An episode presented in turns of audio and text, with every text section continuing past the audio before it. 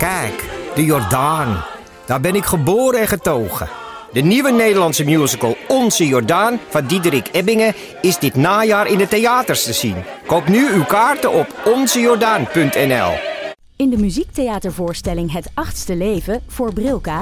naar de wereldberoemde roman van Nino Haratischvili... en in regie van Nina Spijkers... vertelt hoofdpersoon Nitsa op meeslepende wijze... met veel ironie en humor... de dramatische geschiedenis van acht levens uit haar Georgische familie... tussen 1900 en nu. Een hartverscheurend en tegelijk troostrijk drama... verteld vanuit het perspectief van vrouwen uit verschillende generaties waarbij het publiek meegenomen wordt op een emotionele, visuele en muzikale reis door de 20ste eeuw. Koop je tickets voor het achtste leven via oostpol.nl. Dus jullie zijn exen?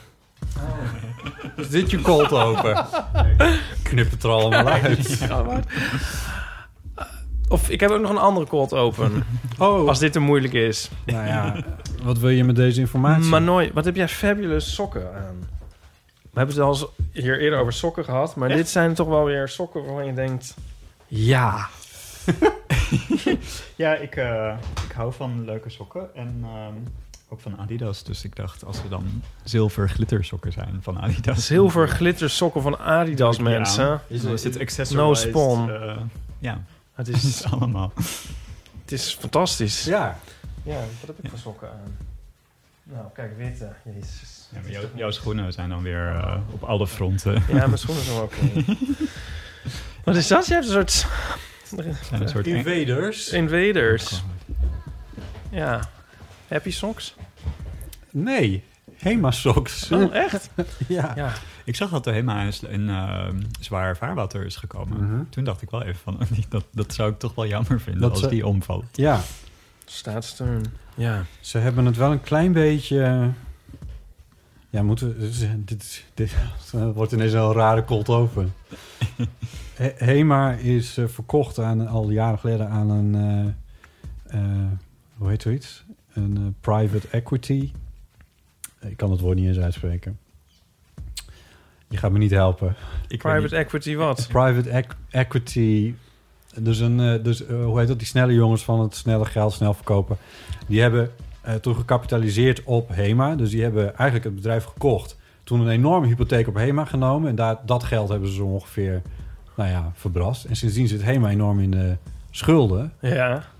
En dat daar- vertelde het verhaal niet. Dat drukt dus enorm op de... Ah. Ja, dat drukt... een- ja, dit is het hele verhaal. Oh, wow. Eh, dat drukt enorm op de, op de balans van, eh, van de HEMA en de winst. Ja, ik vond het gewoon gek om aan mezelf te merken dat ik dan daar toch op, de, op- toch op een bepaalde manier aan gehecht Ja, ben. of zo. en daar Zo, is dus- waarom gek eigenlijk? Nou ja, op de, toen VND eh, de pijp uitging, voelde ik daar niks bij, zeg maar. Ja. Dat is natuurlijk net, net zo'n Hollandse icoon. Maar HEMA is ook gewoon de laatste jaren op een aantal fronten best wel goed bezig geweest met, eh, met hun, eh, hun Pride-acties Ja. en zo. En Ja, van, nou, die, die zijn op de goede weg. En, Ja.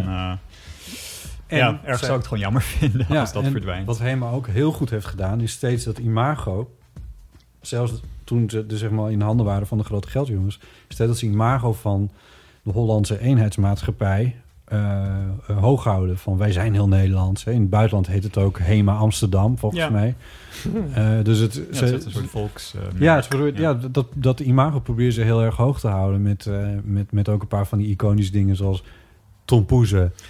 Ja. En rookworsten. Ja. vegetarische rookworsten. Want dat is iets wat ik dus al heel lang Ja. niet meer heb gegeten. Nee. Ik heb ze ook nog niet geproefd. Heb jij ze al geproefd? Nee. Oh. Maar het is wel inderdaad, want ik vind Hema ook altijd wel een leuk merk. Maar dan krijg ik altijd, word ik door Nico op mijn vingers getikt. Rookworsten. Omdat ze met die rookworst. En er zijn er ook opblaasrookworsten. En dat vindt hij dan een soort dubbel erg.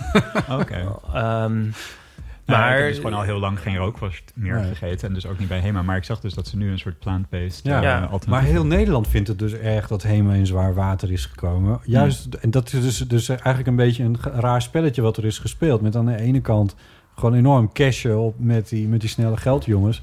En ondertussen dat imago zo hoog houden van... ja, maar wij zijn zo Hollands. En nu moet er dus regeringsgeld achter die snelle geldjongens... Ja, het is ingewikkeld. Ja, Want ik, wil, ik hou ook van, van Hema. van dat wat hier in de... Ja, op een of Ja, andere... ja, same. Ja, ja, toch maar er wel. werken ook heel veel mensen. Dus die, ik bedoel, daar moet ook iets voor. Ik bedoel, Ja, toch, die, dat, dat is ook het voornaamste misschien. Er zou een reden zijn toch om het in de lucht te houden. Dat je niet wil dat al die mensen op straat staan, denk Ja. ik dan, toch? Ja. Of niet? Ja, ik heb denk ik toch een soort van een onverwachte nostalgisch gevoel erbij. Ik weet Ja, niet ik precies vind, wat het eh, is, want Ja, ik, zal, ik kan misschien eh, nu wel die niet anekdote opgegroeid vertellen. zijnde. Ja, precies. Oh, zo, ja. Ja. Nou, ik ook niet, want ik kom uit een dorp en ehm, nu heeft misschien wel elk Nederlands dorp een HEMA, dat weet ik eigenlijk niet. Vo- Wij hadden vroeger geen HEMA. 550 winkels waren. er. HEMA was een soort heel, iets van de grote stad, zeg maar. Oh, maar. Ja. Maar ehm, toen, we, toen op de dag dat ik naar Amsterdam was verhuisd... en toen had ik een... Toen waren we zo'n beetje zo de gordijnrails aan het ophangen... en toen moest ik eigenlijk een waterpas. En die had ik niet. En toen fietste ik naar de, de Hema op de Linnéestraat. en dan hadden ze echt een soort gigantische waterpas alleen maar. En die ging toen afrekenen. en toen zei de cashier... Zo, jij hebt grote plannen.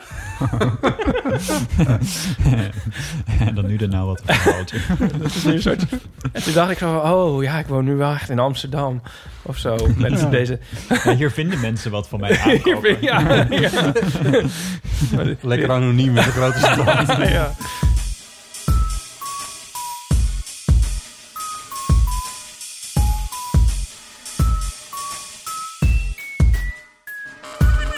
Welkom bij Deel van de Amateur. Eveling. ah, Eveling. Wat is dat? Welkom bij Deel van de Amateur, aflevering Ga je dat er ook uitknippen? 100. Eveling. Welkom bij Deel van de Amateur, aflevering 145. Domme. Ehm, met deze keer natuurlijk Driessen. Hardo. En te gast is dan eindelijk Manoy Kamps. Hallo. Welkom. Ehm, Dank je. we kennen elkaar heel goed en al heel lang. Oh, En waarvan? Het sloeg wel helemaal nergens op dat je überhaupt nooit in de van de amateur... Nee, ik te ben een soort eh, eh, spook al de hele tijd dat het bestaat. Want ik heb er echt al heel vaak ingebeld. En je hebt me al eens erbij gesleurd als jullie aan het opnemen waren in de studio. Dus in die zin, eigenlijk ben ik, als je het allemaal bij elkaar optelt, al wel minstens een aflevering eh, aan compilatiemateriaal waard, denk ik. Ehm, je mag kiezen. Gaan we jou eerst uitgebreid introduceren en dat soort dingen? Of zal ik eerst toch de donaties even doen? Want dat is een complete A4. Het is een complete... Mag ik kiezen?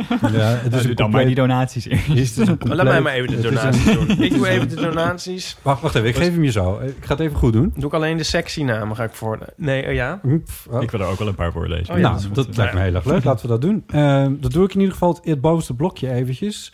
Ehm, dat zijn de mensen die ge- eh, gedoneerd hebben voordat er iets bijzonders is gebeurd. Oh, En dat waren- ja. Leontien, Emmy, Jurgen, Jaco, Esther, Nina, E.V. Asperen Geerlof. En eh, dat bijzondere wat er is gebeurd, ja, dat was een donatie via PayPal. Ja? Maar dat doen we nu niet meer. En Tikkie doen we ook niet meer. Oh, Want nu oh. hebben wij Nou. vriend van de show.nl slash Geniaal. eeuw. Oh.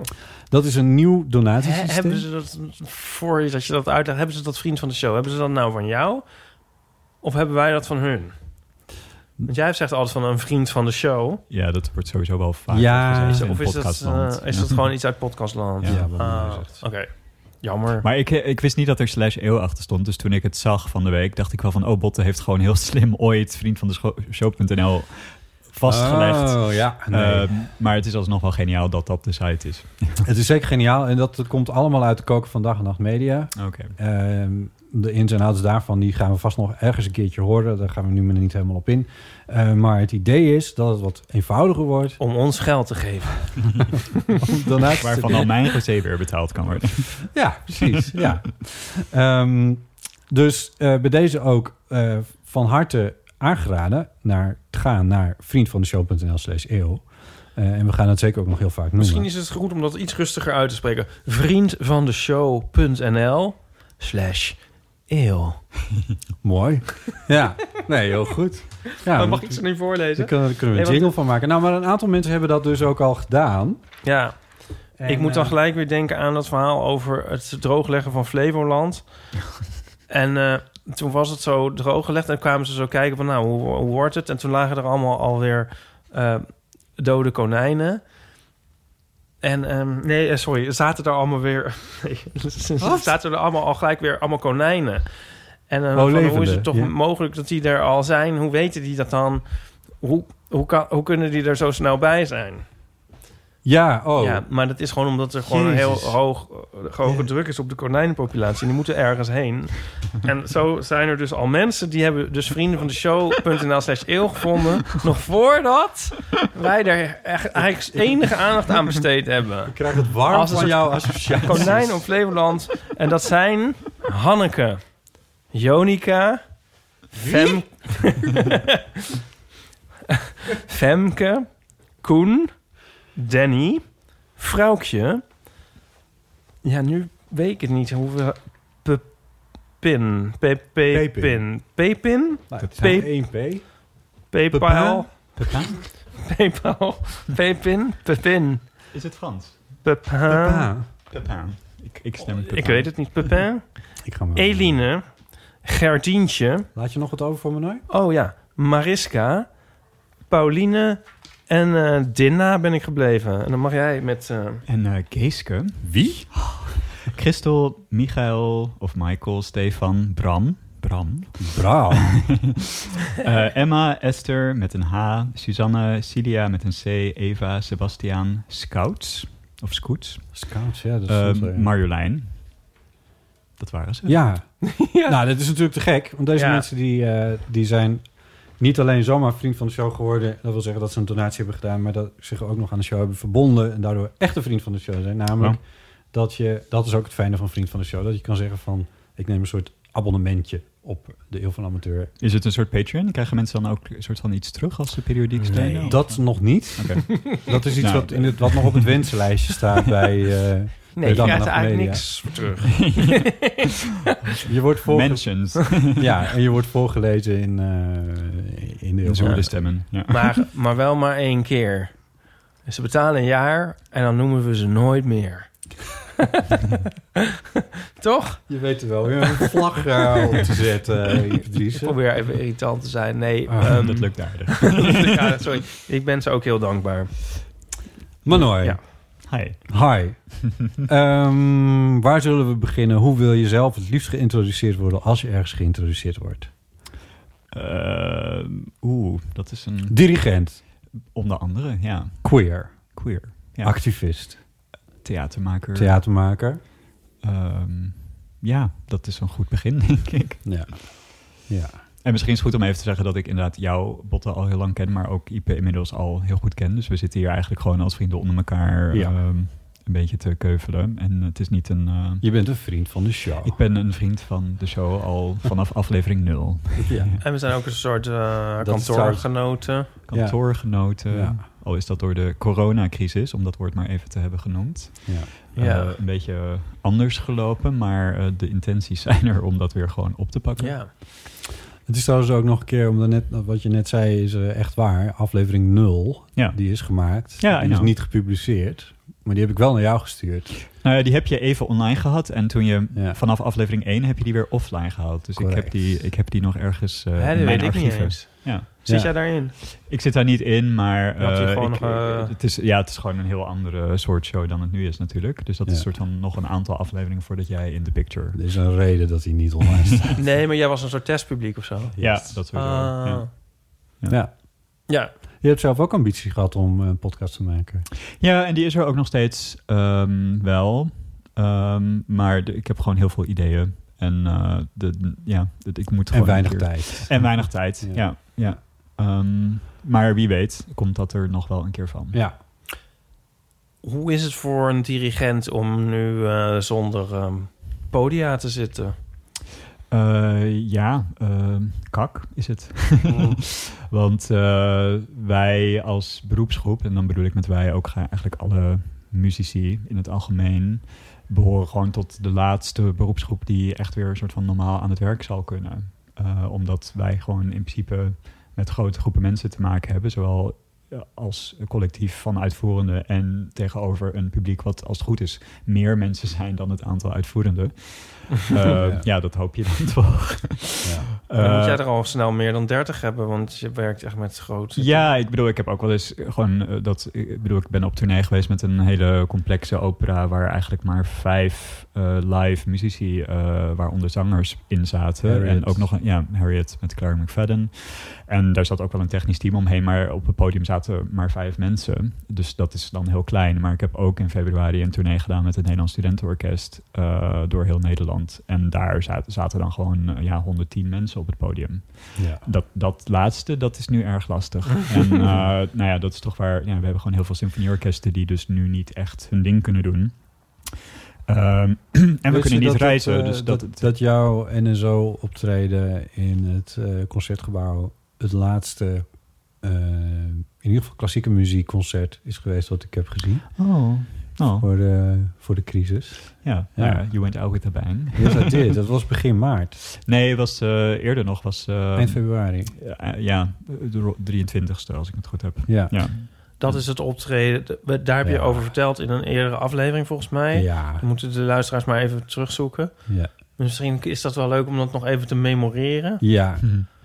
Want het NSO is het Nederlands Studentenorkest... waarbij het idee is dat er niet per se muziekstudenten... spelen er wel muziekstudenten mee? Het zijn meestal... Ja, het zijn een soort van conservatoriumstudenten... die uh, mogen ook mee. En met, met name op de, uh, ja, de, de soort van meer prominente plekken... als de concertmeesterplek of de, Ja, de precies. eerste fluit... de eerste trompet en dergelijke. Ja. Daar komen sowieso heel veel aanmeldingen vanuit conservatoria voor... omdat het echt wel een goede ervaring is. Maar ja, de overgrote meerderheid, dat zijn uh, ook studenten van hogeschool en vooral universiteiten in Nederland. Economie, bedrijfskunde. Ja, die dus gewoon alles behalve muziek studeren, Ja, zeg maar. En maar dit echt een- in hun vrije tijd doen en dus op een heel hoog niveau. Uh, en de meesten van hen die spelen dus ook gewoon vast in een van de vele studentenorkesten die in Nederland uh, Ja. bestaan.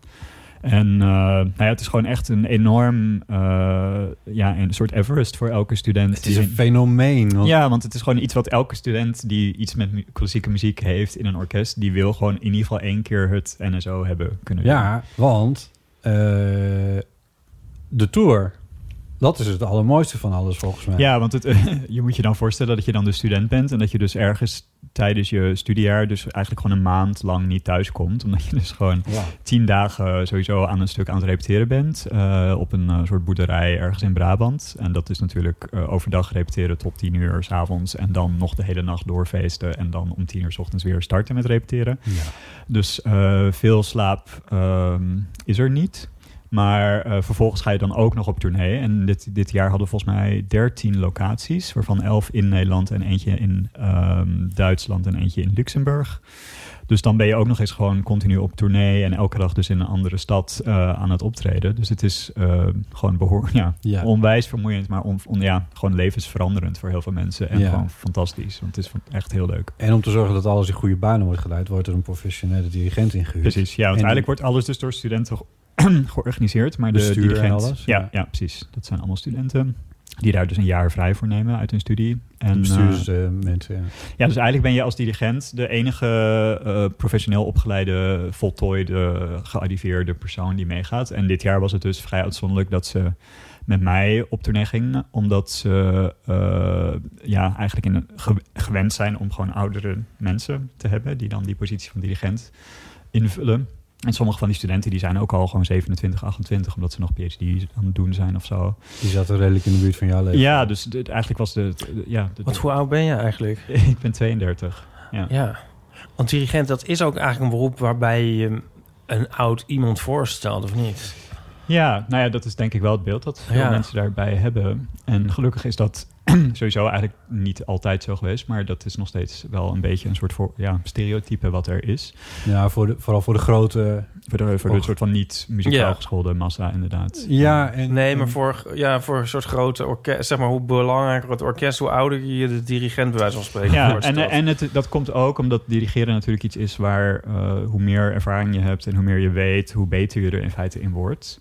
En het is ook niet iets waarbij je, ja, kijk, zangers of zo, of sporters, die moeten op het moment dat ze, dat, dat ze gewoon wat ouder worden, en dan in dit geval betekent dat, ja, een soort van boven de 40 over het algemeen, dan gaan er zoveel veranderingen in dat lichaam plaatsvinden, waardoor ze gewoon niet meer op dat topniveau kunnen presteren vaak. En bij, nou, bij vrouwelijke zangers is dat dan relatief heel vroeg, en bij mannelijke zangers is dat soms wat later. Maar ja, dirigenten kunnen gewoon blijven doorslaan tot ze erbij neervallen, letterlijk. En dat is ook wel gebeurd. gebeurd ehm, Maar ja, ik bedoel, uh, Bernard Haitink is, uh, geeft gewoon op zijn negentigste gezegd van ik stop ermee. Uh, maar die leeft gewoon nog. er zijn ook dirigenten van zijn leeftijd die nog wel bezig zijn. Als een soort pauzen. Ja, nou ja, hij heeft inderdaad gezegd van ja, misschien uh, kom ik nog wel een keer uh, terug. En ik Ruim beloof niks. Ja. Maar want, je, want, kan, want je had net beschreven die tournee, zeg maar, want kun jij ook met een kater, bij wijze van spreken, dirigeren? Nou, ik moet heel eerlijk zeggen. En dat, Heb je dat geprobeerd? Nou, het grappige is dus wel dat je, kijk, ik ben echt super uh, serieus altijd geweest over mijn vak en over de verantwoordelijkheid die je als dirigent hebt. En ook ja, op alle fronten eigenlijk. Dus de, de tijd die je aan de voorbereiding besteedt en de manier waarop je met iedereen omgaat en de manier waarop je daarover communiceert en zo. Dus gewoon zo, ja, zo verantwoordelijk mogelijk. En daar hoort natuurlijk ook bij dat je gewoon fit bent voor de repetities en de concerten. Maar uh, tegelijkertijd voel ik me zo verbonden met deze leeftijdsgroep uh, dat ik ook niet soort van een kunstmatige uh, muur daartussenin nee. wilde plaatsen. Um, en, en ik vind het sociale aspect van muziek maken met elkaar gewoon misschien wel belangrijker dan de repetities zelf op een bepaalde manier. Want als er geen sociale cohesie is in een groep en als jij als dirigent ook niet een, een, ja, een, een relatie hebt, om even ja. ja. een goede band met de mensen met wie je aan het werk bent, dan uh, zeker in de amateurmuziekwereld, wat waar dit natuurlijk onder valt, dan kun je gewoon niet zoveel. Want ze, ze gaan pas met je mee op het moment dat je ze echt inspireert. En in het geval van professionele muzici is het natuurlijk echt heel fijn als je gewoon een leuk mens bent. Maar daar is de nadruk op je, ja, op je, je artistieke kunnen misschien veel groter in verhouding dan op het sociale. Terwijl in de amateurwereld en dus ook bij het NSO moet je mm. ook gewoon al je people skills, om het zo maar even te noemen, en al je groepsdynamiek en je psychologie en oh, uh, inzetten. Maar, maar, om dan echt antwoord op je vraag te oh, geven, ik heb dus wel ontdekt ja. in die maand dat ja, dus ik, als het echt moet en je bent dus op een soort adrenaline rush die hele maand aan het doormaken, dat je dan wel soms denkt van nou, ik ga toch nog even naar de borrel na afloop en dan is het uh, twee uur en denk je van nou, ik ga maar eens terug en dan lig je uiteindelijk toch om drie uur in je bed en dan moet je toch ook wel weer het voorbeeld zijn dat om tien uur gewoon echt daar klaar mhm. zit. Dus ik heb altijd wel voor mezelf soort van uh, in mijn hoofd gehouden van ik wil wel morgen kunnen presteren, maar ik heb daar wel, ben daar wel verder in gegaan misschien uh, qua wat ik daar mezelf in toestond dan mm -hmm. ik misschien in een professionele situatie te doen. En in dit geval zie ik het dus ook als meerwaarde, want ik heb ja. eigenlijk ook heel veel van heel veel mensen teruggehoord dat ze het gewoon zo leuk vonden dat ik er gewoon zoveel bij was. En kennelijk zijn ze dus toch gewend dat de, ja, de dirigent met wie ze normaal optrekken, uh, ja, toch na een uurtje hoogstens bij in, in de kroeg ja. even weer voor gezien houden, om wat voor reden ook. Misschien ook om een soort afstand te bewaren of zo. En dat, dat is ook prima, dat accepteren ze ook. Maar ze vonden het oprecht gewoon heel leuk dat ik ook gewoon mee heb gefeest. Het lijkt me ook wel, uh, ja. ja. ik zie de meerwaarde wel van in. Maar, maar als je, ik, ik heb nog een ander clichébeeld, zeg maar, van een uh, toneelregisseur. Oh ja. Waar, heb ik altijd een beetje het gevoel dat dat misschien vergelijkbare-achtige beroepen zijn. En daar, daarvan heb ik altijd het idee van dat is dan een soort gevreesde tiran die iedereen aan het huilen maakt. Oh ja. maar dat is dus bij dirigenten niet zo. Nou, die, die autocratische dirigent, die bestaat zeker. Ja, ja, er zijn genoeg voorbeelden van. En uh, eerlijk gezegd, uh, ook in de ja, amateurmuziekwereld... en ook dus in de geschiedenis van de studentenorkest... zijn er misschien mensen die een veel soort van autoritairdere... of een beetje militaristische manier ja. van werken hebben. En dat wordt in principe ook gewoon geaccepteerd. En sommige mensen hebben daar ook heel veel baat bij. Moet je ook niet vergeten dat niet iedereen uh, behoefte heeft aan een soort van uh, zo samen zoeken naar iets. Sommige mensen willen eigenlijk ook gewoon zeggen van je moet dans spelen en dat is te hard en dat is te zacht. En, en ik geloof daar gewoon niet zo in. Nee. En dat kan soms betekenen dat het wat langer duurt voordat je gezamenlijk tot iets komt. Maar voor mij is de winst dan dat je daar allemaal collectief uh, een weg in hebt gevonden. In plaats van dat je het in je eentje hebt opgelegd. En dan is het misschien niet precies wat, wat ik zelf van tevoren had bedacht. Maar ik vind het ook veel leuker als het dan toch in zekere zin in samenwerking met de spelers ontstaat. Want ook, ja, we hebben in dit geval hebben dus 13 concerten gegeven, plus nog wat tussendoor uh, teasers en zo op bepaalde locaties. Dus je kunt ook niet uh, de pretentie hebben dat elk concert gewoon hetzelfde gaat zijn. En met zo'n stuk wil je ook gewoon de ene keer linksaf en de andere keer rechtsaf. En En wat, Daar- wat is dan links en rechts af? nou, om een heel goed voorbeeld te geven, heel concreet, eh, in het derde stuk, het grote stuk wat we speelden na de pauze, eh Le Sacre du Printemps van Stravinsky, daar zitten gewoon heel veel plekken in waar je, weet je, even het tempo stillegt en dan weer door. En dat je dan op, de, op het moment zelf aan de zaal kan voelen van hoe snel ga ik dit dan vanavond doen. En die overgang die kan je net even uitstellen. En dat klinkt, dat zijn allemaal in zekere zin details, maar dat heeft zoveel invloed op de concentratie van eh, de spelers. Want die, dat zijn juist de sleutelmomenten waarin ze zeggen: kijk, er zijn heel veel plekken waarin het eigenlijk je taak is als dirigent om zeg maar jezelf een beetje terug te trekken en het orkest soort van als een soort motortje lekker te laten lopen. En op het moment dat er dan even geschakeld moet worden of dat je een bocht moet nemen, zeg maar, dan moet je even er zijn of dan moet je dat sturen. Ja. Maar ehm, dat zijn dus ook de momenten dat, dat je gewoon voelt, letterlijk, dat alle ogen op jou gericht zijn. En nou ja, dat voelt natuurlijk heel intens, maar dat is ook heel tof. Want dan weet je van, oké, als ik nu iets doe wat ze wel kunnen, maar misschien niet verwachten, of dat we nog nooit per se zo gerepeteerd hebben, maar dat ik van al alle ervaringen die we hebben gehad tot nu toe weet van, als ik dit doe, dan lukt het. Dan is dat gewoon een veel spannender concert dan dat je precies hetzelfde doet als de avond ervoor en de avond ervoor. En Ah. dus het zit eigenlijk in hele kleine dingen. En, en zeker als je dus op tournee bent. We hebben dus gewoon letterlijk in 13 verschillende zalen gespeeld. Dus de ene zaal is gewoon een soort stad Schouwburg Amsterdam qua omvang. En de andere is de Doelen in Rotterdam. Dus daar, daar die wereld van verschil is. En sommige waren een soort van universiteitsaula's. Dus je kunt ook niet in elke ruimte dezelfde muzikale keuzes maken. Ehm, Kun je daar ook nog een voorbeeldje van geven dan? ja, bijvoorbeeld ehm, soms dan moet je eh, bepaalde dingen gewoon wat meer ruimte geven, omdat de zaal heel erg eh, een soort badkuip is. En met Oh. ruimte bedoel ik dan dat je gewoon eh, de, de dat je niet zo snel doorgaat met alles, omdat het dan gewoon in een soort echo reverb opbouw gaat. En soms dan denk je van oké, dat moet ik even, die galm moet ik even laten verdwijnen voordat ik dan weer doorga. En in andere zalen die dan droog zijn, daar wil je alles juist een beetje sneller en aan elkaar vastlijmen. Dat zijn jouw ruimtes. ja, in feite wel.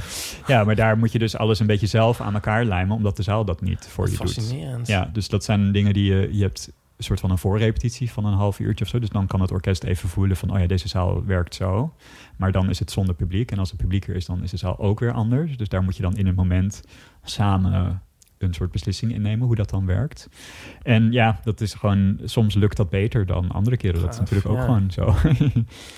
Goh, ik heb Ja. nu opeens een miljoen vragen. Ja, ik zeg altijd, het moet geen interview worden, maar nu heb ik opeens Nee, maar dat is een prima. miljoen Nee, maar dit is, dit is het moment. ja, dit is, want nu denk ik ook... Maar, maar we ik komen zo wel op dat, eh, op dat magnifieke moment. Komt Eh, goed. ja, Ik onthoud want dat, is- oké, ja, want dat kan dan eh, bij de volgende. Want ik, nu zit ik nog te denken over dat sociale eh, aspect. Want dat lijkt me dan ook. Want wij keken net een paar filmpjes ook van.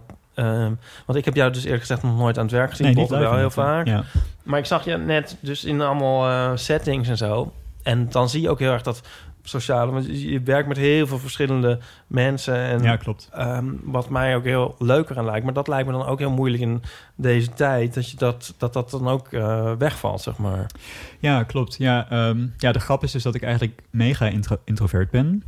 En eh, dus de, de- eigenlijk is de, de, de grap dat ik dan een beroep heb gekozen waarin je dus eigenlijk Ja. gewoon altijd aan moet staan als je bezig bent. En Ja. dus ook altijd tegenover een groep staat. Dus ik krijg daar op een andere manier energie van dan extraverte mensen energie van zouden krijgen. Dus ik heb het ook onwijs nodig om op te laden. Dus ook in zo'n maand, dan moet ik echt mezelf dwingen en mezelf gunnen dat ik ook gewoon eh, de deur van mijn kamer dicht doe. En dat ik dan even gewoon een uur lang op bed ga liggen terwijl zij nog aan het dineren zijn, zodat ik de avond doorkom, bij wijze van spreken. Mhm. En dat is ook allemaal prima, maar eh, dus dat betekent dat ik niet automatisch al die drukte en al die indrukken en al die eh, energie, zeg maar, eh, mis. Maar ik mis inderdaad wel wat jij zegt, de, ehm, ja, de variëteit en de, af, ja, de, de, de, stimu, de stimuli gewoon van het Ja. werken met al die verschillende mensen en al die verschillende soorten muziek. Ehm, want ja, maar mijn, mijn werkpraktijk is ook nog eens heel divers. Dat zal je misschien verbazen. Ironie, aanhalingstekens. Maar ehm, in de zin dat er ook gewoon dirigenten zijn die bijvoorbeeld alleen maar opera doen. Of alleen Ja. maar koren dirigeren. Of alleen maar symfonieorkesten. Of alleen maar met kinderen werken. En ik doe dat dus allemaal. En ik, daarnaast ben ik ook nog zelf theatermaker. Dus ik ben ook vaak nog betrokken bij het maakproces van dingen die nog niet af zijn. Of die nog bedacht moeten worden. Dus dat is ook alweer een heel ander proces dan wanneer je gewoon eh, een stapeltje noten hebt en dat je die gewoon gaat dirigeren in dat je dan een paar repetities hebt. Sterker Dus- nog, Ja, ik weet dat jij half jaar geleden of zo, een tijd lang in de studio hebt gezeten om te werken aan een compleet nieuw stemmingssysteem. Stemmingssysteem. ja. Hoe? Ja. Wat? Hij, nou ja, je, hebt, je kan een instrument stemmen, zoals je weet. En Ja. wij doen dat in de westerse wereld, wat dan heet gelijkzwevende stemming. Gelijkzwevend? Ja, eh, zou, ik, zou ik dat even heel snel uitleggen Ja, please voor, do. voor, voor alle luisteraars? Ehm, Waarbij je Ja. meteen even aangetekend dat Manoy ooit wiskunde heeft gestudeerd. ja, Dus dat, ja, ik ga, ik ga het zo. Maar bij wiskunde was er ook een vak van co- wiskundecommunicatie. Met dank aan mensen als Ioni- Ionica en zo. Ja. Die ik nog uit mijn wiskundetijd ken trouwens. Ehm, maar, eh, nee, maar gelijkzwevend is eigenlijk heel simpel te begrijpen als je dus bedenkt dat een piano dus gewoon die toetsen heeft. En dat elke toets is een noot. En we weten denk ik allemaal wel ongeveer wat een octaaf is. Eh, dus dat is zeg maar dezelfde noot, maar dan een octaaf hoger. En die kun je dus onderverdelen in twaalf stapjes. En Botte gaat nu even op zijn gitaar laten horen wat een octaaf is. Nou, nou, dat is een toonladder. En wat is dan een octaaf? Precies. Ja, en wij, wij, wat wij dus doen is dat we dat in twaalf stukjes hebben gehakt met alle eh, halve noten ertussen. En op een piano zijn dat allemaal gelijke afstanden, zo gezegd. Maar ehm, heel lang verhaal kort betekent eigenlijk dat al die halve afstanden, die zijn een soort compromis, omdat ehm, afhankelijk van de harmonie en de richting van een melodie, eh, zijn, kunnen die noten eigenlijk, als je ze echt zuiver zou willen zingen, zou, zouden ze hoger of lager uitvallen. Maar op een piano heb je maar twaalf toetsen. Dus als je echt al die mogelijkheden zou willen kleuren, dan heb je eigenlijk een soort oneindig aantal toetsen nodig. Ja, is, het is eigenlijk discreet, zeg maar. Ja, een piano is discreet en de, het spectrum van, Ja. van pitches is continu. Ja. En eh, nou ja, een viool heeft dus geen frets, terwijl een gitaar wel frets heeft. Dus een gitaar is vergelijkbaarder met een piano, hoewel je op een gitaar wel een Ja. soort van je, je snaar kan benden, waardoor je... hem- Ja, maar je kunt wel een- een toon omhoog buigen, bijvoorbeeld. Ehm, maar niet omlaag. Maar niet omlaag, precies. Maar even, nou ja goed, dit is allemaal heel technisch. Maar het komt er eigenlijk op neer. Er zijn dus nog heel veel andere manieren om Ja. eh, eh, een toonladder in te richten. ja, dat snap ik En je kunt hem dus in 12 delen, maar ook in, in 8 of in 6 of in 31 of ehm, nou ja, noem maar op. Ja. En in allerlei andere culturen dan de soort van gangbare westerse klassieken zijn er dus ook gewoon andere stemmingssystemen die veel meer gebruikt worden. En ik deed dus een stuk wat geschreven werd door Calliope Tsoupaki en zij is een Grieks-Nederlandse componist. En zij maakt heel veel gebruik van eh, de invloeden van Byzantijnse orthodoxe kerkmuziek. Ehm, en daarin gebruiken ze dus ook andere stemmingssystemen. En ik dacht van ja, het zou zo jammer zijn als je dat dan dus verliest, omdat je toevallig op soort van westerse instrumenten aan het spelen bent. Dus toen heb ik eh, letterlijk inderdaad zitten rekenen van hoe moeten dan die afstanden worden. Want we werkten dus met, met een kistorgel, wat je dus handmatig gewoon op het aantal hertz kan zetten wat je zelf wil. Ehm, en nou ja, toen is daar dus iets uitgerold wat veel beter werkt voor die muziek die zij had geschreven dan een gemiddelde piano had gewerkt. Maar dat, ja, ik dacht van ja, dit, eh, en ze zei ook letterlijk van ja, niemand heeft dit ooit voor mijn muziek gedaan. Ja, wat dus eh, voor mij was dat gewoon even nerden en een beetje rekenen, omdat ik wist hoe dat dan werkt en hoe je dat dan kan eh, uitwerken. Maar ik Ja, vond het dit, ook dit wel... gaat mij dus ook Ik ver, vroeg me ook altijd al af wat je eigenlijk aan het doen was de hele tijd daar aan. Ja, dit, dit duurde eerlijk gezegd niet, zo eens, niet eens zo heel erg lang. Maar het was gewoon leuk om... eh, want ik kreeg... Het, het klinkt misschien allemaal heel abstract, maar het is dus wel zo dat als je die... Sowieso als je de twee systemen naast elkaar zou horen, zou, je het, zou, de, zou iedereen het horen. Niet alleen me- jullie zoals hè, mensen met een muzikaal oor, maar ook mensen die niet eens een muzikaal oor zouden hebben, zouden dit verschil ervaren. Ja, En het is ook mensen die veel muziek luisteren eh, en veel live muziek horen, die komen dan ook naar zo'n concert en die horen toch van er is iets anders. Want ik, ik hoor dan die melodieën gespeeld worden op dat Ja. instrument en dan hoor je toch van het is het, het wringt een beetje omdat het gewoon niet past bij onze soort van autotuned oren die we hier hebben. ja. En daar, dat valt dus op en dat geeft dus ook heel veel kleur en spanning aan, eh, aan, aan die muziek. Ja. Dus dat eh, was heel tof inderdaad. Als ik er nog iets over mag zeggen, als je zeg maar als iemand vanuit de eh, hoe zou je het zeggen, vanuit de popmuziek of zo, in ieder geval iemand die vanuit popmuziek denkt, hier meer gevoel voor bij wil krijgen, dan kan ik je de filmpjes aanraden die Adam Neely maakt. Ja, die maakt er hele leuke filmpjes over. Ja, over, en die zit in, dat is een bassist die opereert in New York, opereert. Ehm, maar in ieder geval, die, de, en, die, en de jazz scene daar ook. Maar Een beetje in de forefront van, van wat ik een beetje zie als een soort van vernieuwing in de jazzmuziek. En nu ga ik het even over D'Angelo hebben. Oh, hadden, we de- hadden we maar een jingle Oh, ik, heb, ik heb heel veel aan D'Angelo gedacht de afgelopen week. Ja, ja, dat snap Ja, ik. ik Daar vre- komen- dit moment Daar komen we zo nog even op. Maar D'Angelo heeft in, eh, in 2000 het album Voodoo gemaakt... waar eh, hij ook weer gebruik maakte van bijvoorbeeld de J Dilla en zijn ritmes en zo. Alles is een beetje scheef en hangt een beetje achteraan en een beetje... En ik vind dat heerlijk. Ik vind het, maar de, de, de drummer, Questlove, die dat nummer die dat heeft ingespeeld... die zei, ik heb opnieuw moeten leren drummen... omdat we tot in de, vanuit de jaren 80... waarin drummers moesten opboksen tegen de strakheid van, eh, van drumcomputers werden drummers een soort metronomen, zo in de jaren 90 ongeveer. Ze konden ontzettend strak spelen. Als je platen zoals van Michael Jackson hoort ook, die jongens die konden, dat is niet te geloven hoe strak, dat, dan denk je, je is een drumcomputer en dat is dan niet zo. Eh, en, eh, en Questlove zei, ik moest opnieuw leren drummen, omdat D'Angelo wilde dat ik op een scheve manier... Hij zegt altijd als, als een, een drunk 11-year-old. Eh, wat interessant is, maar eh, moest hij leren spelen. En dat heeft heel erg doorgewerkt. Na die Enzo heeft dat heel erg doorgewerkt in popmuziek. Vooral in hip-hop en, en, en dergelijke muziek. Maar je hoort het ook wel in andere muziek terugkomen. Van die ritmes die niet meer helemaal strak vierkwart zijn. Maar die juist een beetje een draai krijgen of er achteraan hangen. En nu, en daar is Adam Neely dus veel mee bezig. Die zegt van ja, dat hebben we. Dat, Oké, dat trucje dat kunnen we dan nu een beetje. Wat is het volgende?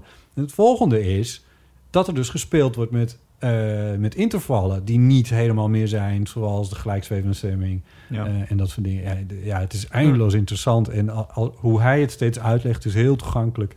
En dan kun je er een beetje een idee van krijgen. Ja, en ik vind het dan toch wel belangrijk om opnieuw eigenlijk even te benadrukken dat het aan zich dus geen nieuwe inzichten zijn. Het, want in feite, dat hele verhaal met die intervallen heb ik dus net Ja. uitgelegd. Dat, dat zit dus al in heel veel andere Zeker. Eh west- Dat, eh, dat Adam ook trouwens. Ja, nee, hè. zeker. Nee, dus er zitten niet, eh, niet westerse cultuur, maar ook dat ritmische aspect. Dus wij in het Westen zijn zeg maar gewend om alles in een soort van marsmuziek op te delen. In, in vieren of in drieën. ja.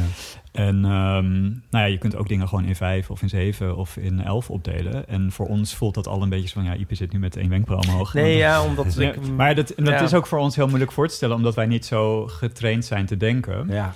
Ehm, maar bijvoorbeeld in Zuid-Azië, in India onder andere, daar leren mensen letterlijk Ja. zo, Ja. zo het en dus tegen pulsen in. En dan Ja. krijg je dus inderdaad van die soort van net na de slagachtige gevoelens. Maar voor hen is dat heel net zo strak eigenlijk als die drumcomputers eh, voor, van ons Ja, waren. omdat ze, omdat ze dat gewoon voelen. Ik heb het er met mijn broer, die drummer is, wel over gehad. Ik zei, Ja. hoe heb je dat ooit gedaan? Want die, die drumt al die maatsoorten ook allemaal. En zei van, nee, dat is gewoon heel hard werken. Want we zijn daar niet mee opgegroeid. En je moet het, je moet het, niet, je moet het niet tellen, je moet het voelen. Zoals Ja. je vierkwarts ook voelt. Moet je die vijfkwarts gaan voelen, of die, vijf, of die, die, die eh, zeven, acht, of eh, wat dan ook maar. Die, die maatindeling moet je... Ja, dat moet een soort van eigen worden. Dan moet Ja. je steeds ongeveer weten waar- waar je zit. En in ieder geval altijd weten waar je, waar je weer uitkomt. Ja, het is, het is echt fascinerend. En eh, ja, je kunt er gewoon een leven aan besteden om dat allemaal te leren. Dat is, wat eh, exact is wat jij aan het doen bent volgens In mij. wel, ja. En, eh, wat ik daarbij ook nog eens een keer... want ik heb jou verschillende dingen zien dirigeren... maar ik heb jou ook dingen zien dirigeren. En Harriet was er volgens mij ook een voorbeeld van... waarbij niet alleen rare maatsoorten in zaten en tempowisselingen... maar dat die ook nog eens een keer elkaar voortdurend afwisselden. Ja. ja, en dat is dan op een bepaalde manier niet eens per se altijd heel moeilijk of zo. Want dat, dat Wel. doen... ja, in de klassieke muziek doen we dat ook al eh, 120 Ja, jaar. ja. Maar eh, ja, het, ik, eh, wat bijvoorbeeld aan Harriet lastig was, is dat ik de zangers meestal niet recht kon, eh, in de ogen kon kijken. Omdat het met de ansenering zo bedacht was dat ik een beetje aan de zijkant stond en zij dan een beetje een soort van achter mij, maar dan dichter bij het publiek. Ja. Eh, dus daar was het veel meer... Ja, ze zagen me dan vaak via een scherm. Dus ik moest heel erg duidelijk kunnen zijn in dat scherm. En het was, nou ja, in de woorden van de sopraan Clara McFadden... het allermoeilijkste wat ze ooit heeft moeten memoriseren. En in haar geval zegt dat echt iets. Want ze heeft de allermoeilijkste dingen Ja. die er zijn geschreven voor de stem... Ja. heeft ze gezongen. Ehm, dus het was veel meer een kwestie van... hoe kan ik hen soort van daar doorheen loodsen... En hoe kan ik dan zo, zo duidelijk mogelijk zijn met feitelijk alleen maar een hand die de maat aangeeft en een andere hand die aangeeft van nu mag jij zingen. Ja. Dat was eigenlijk heel leuk. En nu heb ik dat dusdanig vaak gedaan inmiddels met dat stuk dat het eigenlijk heel vanzelfsprekend is geworden. Maar dat was wel even een zoektocht, ja. Ja, ja, ja. Maar ja, ik heb ook wel al andere moderne eh, Ja. stukken horen dirigeren voor koren bijvoorbeeld. Die, Ja. ja, voor, in mijn oren echt ja, volslagen nieuw waren, laten we het zo zeggen. Ja, ik, nou ja, het grappige is dat ik dus op dat, toen ik op dat conservatorium ook binnenkwam ehm, in Den Haag, toen, ja, toen, toen was ik eigenlijk dus ook al bezig met wiskunde. En ik denk dat men vanaf het begin ook wel soort van die twee bij mij heel erg aan elkaar gelinkt heeft, zeg maar. Nee? Terwijl ik er zelf niet per se op die manier mee bezig was, maar men op het consortium waren dus relatief weinig mensen die dus al die hele moeilijke dingen snapten. dus ook de theorieafdeling, wat ook een soort, soort van halve wiskundeafdeling is binnen zo'n conservatorium. Die, eh, ja, het is ook gewoon allemaal heel rigoureus en technisch op een bepaalde manier. Die hadden ook zoiets van, oh, hier is iemand die dat snapt, zeg maar. Dus misschien moet die wel ook nog dat, misschien moet hij wel theoriedocent worden en zo. En er werd soort van alle kanten Oh. een soort van aan mij getrokken. Zo van hier, jij, jij kunt iets wat maar heel weinig mensen kunnen. Terwijl ik ook zoiets had van ja, maar het is voor mij niet per se. Ja, dat bedoel ik niet om arrogant te zijn of zo. Maar voor mij is het gewoon, ik vind het gewoon heel leuk om dat dan uit te zoeken hoe dat werkt of zo. Maar ik ben ook nog gewoon heel benieuwd naar wat voor muziek er allemaal is. En eh, misschien zijn andere dingen wel voor mij veel moeilijker die dan voor anderen weer vanzelfsprekend zijn. Ja. Dus dat was best wel een interessante zoektocht. Ja, ja. Ik zal nog even als een drunk 11-year-old. Oh, heel goed. Dan kan ik ondertussen wel even vertellen over dat majestueuze moment. Want, Ja, eh, dat, Ja, of dat kunnen we ook inleiden met een vraag. Of nee, vertel maar over. Ja, ja, dat weet ik we hebben de luisteraar nu inmiddels eh, ruim 30 minuten laten wachten op... eh, Op, mijn introductie. ik vind het wel een, een goede, goede verteltechniek, dat wel. Eh, want we waren dus bij dat eh, Nederlands Want? studentenorkest... waar jij voor stond te dirigeren in Pak. Eh, en eh, dat eindigde die tournee, eindigt altijd... maar eindigde ook dit keer in het Concertgebouw in Amsterdam... Yes. Eh, waar jij ook nog een debuut mee maakte als dirigent In de grote zaal. Ja. in de grote zaal. Namelijk het afdalen van die dirigententrap, zoals ik hem ja, dan die even iconische, uh, angstaanjagende, smalle trap. Vanuit het publiek gekeken aan de rechterkant. Achter daar je langs het podium, de podiumplaatsen. Langs het orgel, Langs het eh, orgel. Een menig 90-jarige is daar eh, dood op. Gesneuveld. Gesneuveld.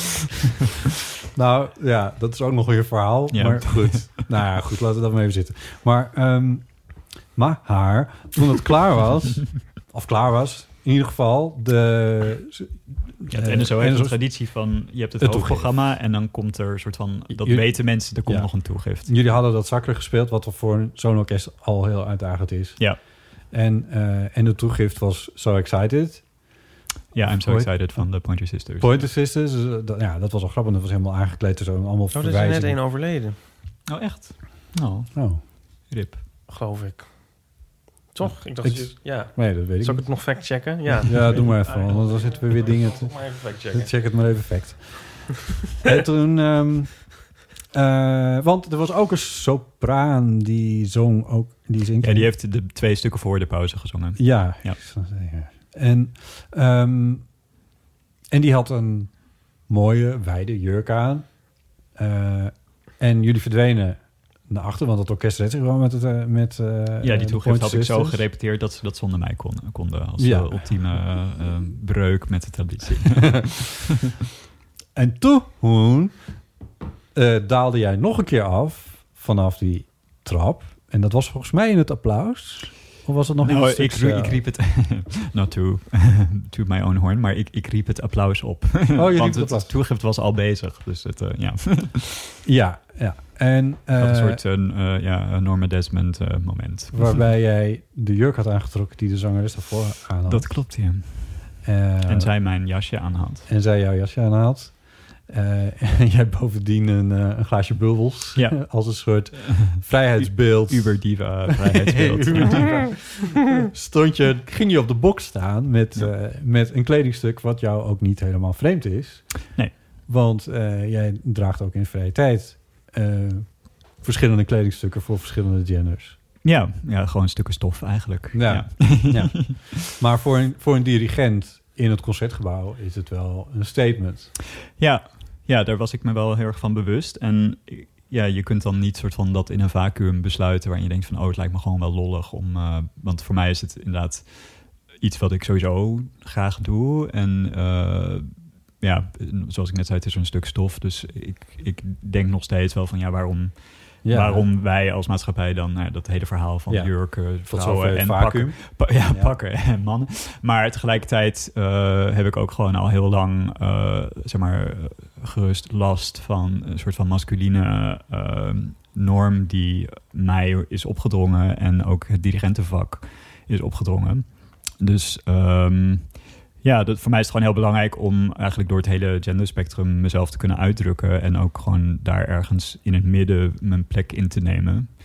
En dat noem ik dan nu zeg maar non-binair, maar dat doet er eigenlijk niet eens toe. Maar ergens Van, daar. Ja. van de grote orkesten in Nederland is er één orkest dat een vrouwelijke dirigent heeft. Sinds nou, inmiddels twee. twee jaar. Oh, kijk. Ja, ja Radiofiel eh, heeft een eh. Amerikaanse eh, vrouwelijke dirigent aangesteld, Mhm. Carina Kanellikes. En eh, het Residentieorkest heeft sinds kort een Duitse dame, die heet Anja Bielmeijer. Als chef-dirigent. als chef-dirigent, ja, ja. ja. En dat zijn op dit moment de twee ehm, ja, eh, chef-dirigenten. Ja, eh, en dat is voor het eerst in Nederland. In Nederland sowieso voor het eerst. Ja, ja, ja, wat natuurlijk belachelijk is. Ehm, Ja, maar, in de wereld. wat je net Nee, absoluut. En wat ook in de wereld eigenlijk eh, nog steeds relatief uitzonderlijk is. Omdat het overgrote merendeel van de orkesten wordt geleid door mannen. Ehm, en ik heb me gewoon nooit comfortabel gevoeld in dat label. Of ja, in de, in de, in de rol of in de in do- doosje man. Dus nou ja, misschien ben ik dan een non-binaire dirigent. Ehm, maar eh, in ieder geval vond ik het mooi, omdat het programma daar ook deels over ging. Omdat de stukken voor de pauze, die waren, zeg maar, gingen heel erg over Ehm, nou ja, in het stuk van Wagner wat we deden, dat gaat over, dat, dat heet letterlijk de Liebesdood, waarin Isolde eigenlijk, omdat Tristan overleden is, ook dan maar overlijdt, bij wijze van Mhm. spreken, als ik het heel cru zeg. dat, dat, zo is het natuurlijk niet, want het is een eh, ex- super extatisch moment en het is een soort van, ze zien elkaar in het hiernamaals en het is eigenlijk heel, heel vreugdevol. Ehm, maar wel, ja, de, de, man is, eh, de man is klaar, dus de vrouw moet volgen, zeg maar. En ehm, het stuk na de pauze, de Sacre du Printemps, dat is ook... eh, dat gaat ook gewoon over een, letterlijk over een jong meisje, in principe een, een maagd, ehm, die eh, om te zorgen dat er een goede oogst komt, eh, zichzelf de dood in moet dansen ten overstaan van alle oude, oude wijze mannen van het dorp. En dat is gewoon het Het verhaal van het stuk. van ja, het lente. lenteoffer. Ja. Ja. En ehm, nou ja, het, het, het opdrachtwerk, het, het nieuwe compositie die geschreven is door Rick van Veldhuizen, die was dus... Het derde eh, stuk wat jullie eh, spelen. Ja, wat Ja. eh, net voor de pauze dan ging. Ja. Dat ging dus al over dat, dat het soort van genderloze en lichaamsloze en ja, hiërarchieloze van liefde. En dat was heel mooi. En daarin hebben we ook een soort kleine regie aangebracht, waarin zeg maar de, de mensen die jasjes droegen in het orkest, die dan ook uitdeden. En ehm, mensen met lang haar konden dan dat opknopen, bijvoorbeeld, als ze dat wilden. En de sopraan die inderdaad begon in, in die jurk, die eindigde in een soort... die had ze dan een soort van live getransformeerd tot een soort... eh Ja. Comme des Garçons-achtige creatie. Eh, en de haar inderdaad in een knot. En eh, dat gewoon het hele plaatje was veranderd. En mijn transformatie, zo gezegd, dat was dan de dramaturgie. Eh, maar het was ook gewoon heel leuk. Mijn transformatie vond dan dus eigenlijk pas helemaal aan het eind van het concert plaats. Want ik had dus in feite eh, dan pas ook de gelegenheid om iets te doen. Want ik was veel te druk met dirigeren. Ja. Maar eh, dus toen bleek dus dat dat nog een stap verder was gegaan. En dat de sopraan dus mijn jasje aan had en ik haar jurk had. En dat was dan het...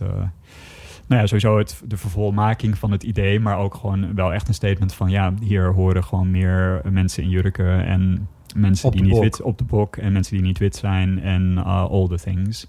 Dus uh, ja, dat is ook wel zo... Ik bedoel, dat, dat is dus niet in een vacuüm, zeg maar, gebeurd. Maar Nee. ondertussen was dat ook wel ja, ik vond het gewoon heel mooi om te zien dat er in dat orkest dus, omdat ik zelf dus ook daar een soort vanaf het begin heel, um, nou ja, sowieso heel open over ben geweest waar, waar ik zeg maar voor sta en wie ik ben en zo. En de, ik bedoel, ik had ook gewoon heel vaak nagellak op en oogschaduwen op en uh, de, de, zitten, het is heel schattig, in dat orkest zijn er allemaal tradities, waaronder er dus de traditie dat je dus uh, in groepjes wordt ingedeeld. En dat zijn dan de troetelgroepjes.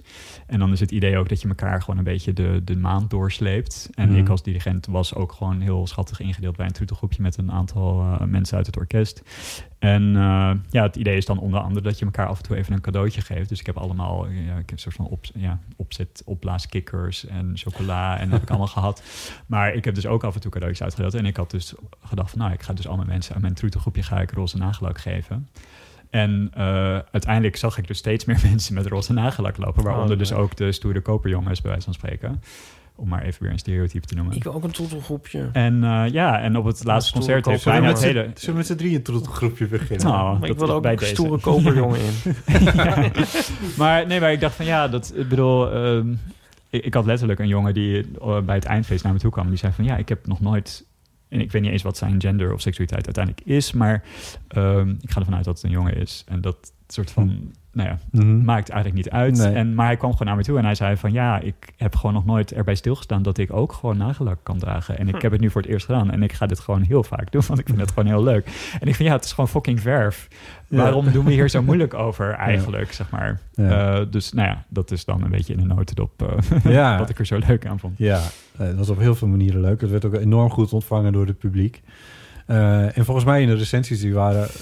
Ja, die waren mega lovend. En eh, sowieso heeft het heel veel persaandacht gegenereerd. En op de een of andere manier heb ik afgelopen... Ja, het seizoen is soort van in maart afgelopen. Ja, inge- ingestort. Ehm, ja, ingestort. Maar eigenlijk heb ik dit seizoen eh, onwijs veel media-aandacht gekregen. Want ik ben bijvoorbeeld in Kunststof geweest in het najaar. En ik, had, ik stond in NRC als reizende ster. En De Groene heeft een heel lang interview met, Ja. gepubliceerd. Dus er was ineens een soort. Dirigent momentum. voor de 21ste eeuw heette het. Ja, Bas ja. van Putten heeft het geschreven. Ja, was een heel mooi stuk. mooi stuk. Ja, absoluut. En eh, nou ja, dat was allemaal gebeurd net voordat die tournee begon. Dus de- alle ogen waren daar ook een beetje op gericht. Dus ik denk dat dat eh, ook voor de tournee gewoon heel veel extra aandacht heeft eh, gegeven. En dat het dus ook gewoon tot een goed einde is gebracht, is dan alleen maar mooi meegenomen. En dat is allemaal voor de schermen. En achter de schermen, wat voor reacties heb je achter de schermen gekregen?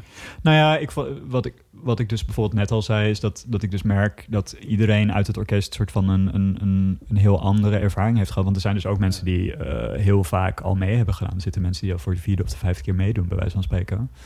En los van dat je nooit dan tournees met elkaar moet vergelijken, want elk jaar is natuurlijk waanzinnig. Maar ik heb wel heel veel mensen horen zeggen dat, dit, dat het nooit zo is geweest als nu, qua de manieren waarop we het programma hebben samengesteld en die theatrale dingen die we deden. En ik als dusdanig jonge en queer en niet-witte dirigent die dan al die dingetjes doorbreekt, zeg maar.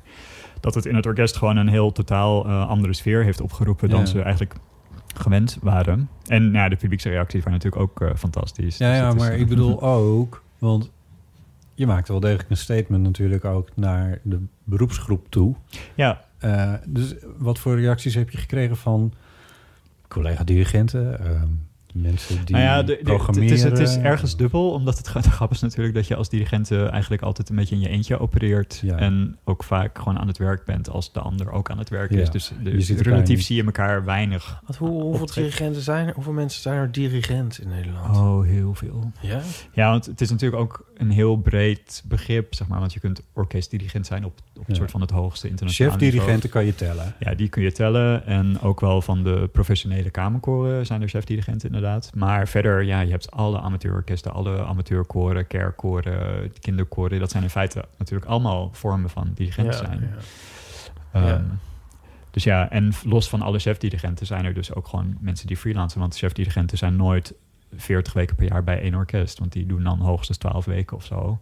En de andere, eh, nou ja, Ja. 20, die moeten dan met andere mensen. Dus er zijn ook gewoon heel veel, zeg maar, loslopende eh, mensen, freelancers, die Hm. dat ook, eh, Ja. ook doen. Ja. ja.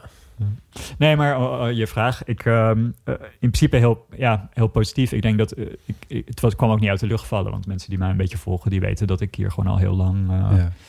Een punt van aan het maken ben. En er was zelfs één recensent die gewoon daar eh, ook dat statement soort van meenam. De, de titel van het stukje was letterlijk Joepie, de dirigent doet een jurk aan. Ja. En ik dacht van, nou ja, ik ben gewoon wel heel blij dat, volgens mij stond het, ja, het was in Trouw. Ja. Dus dat is een van de grootste dagbladen. Dan denk ik van, ja, dat is dan toch goed dat het ook in die ja. eh, ruimte, zeg maar, ook gewoon even benoemd wordt als iets positiefs. ja. Ehm, want ik, ja, ik heb natuurlijk, natuurlijk zijn er ook mensen die van vrouwelijke eh, dirigenten verwachten dat ze ook gewoon een pak aandoen, omdat het anders zou afleiden. Die heb je ook. En daar is steeds meer ophef over, gelukkig, als er dan dat soort uitspraken worden gedaan. Maar eh, nou, misschien nog geen vijf jaar geleden waren er nog steeds een paar mensen die wij echt wel hoog hebben zitten, die soms nog wel eens van dat soort mega seksistische dingen konden zeggen. Hmm.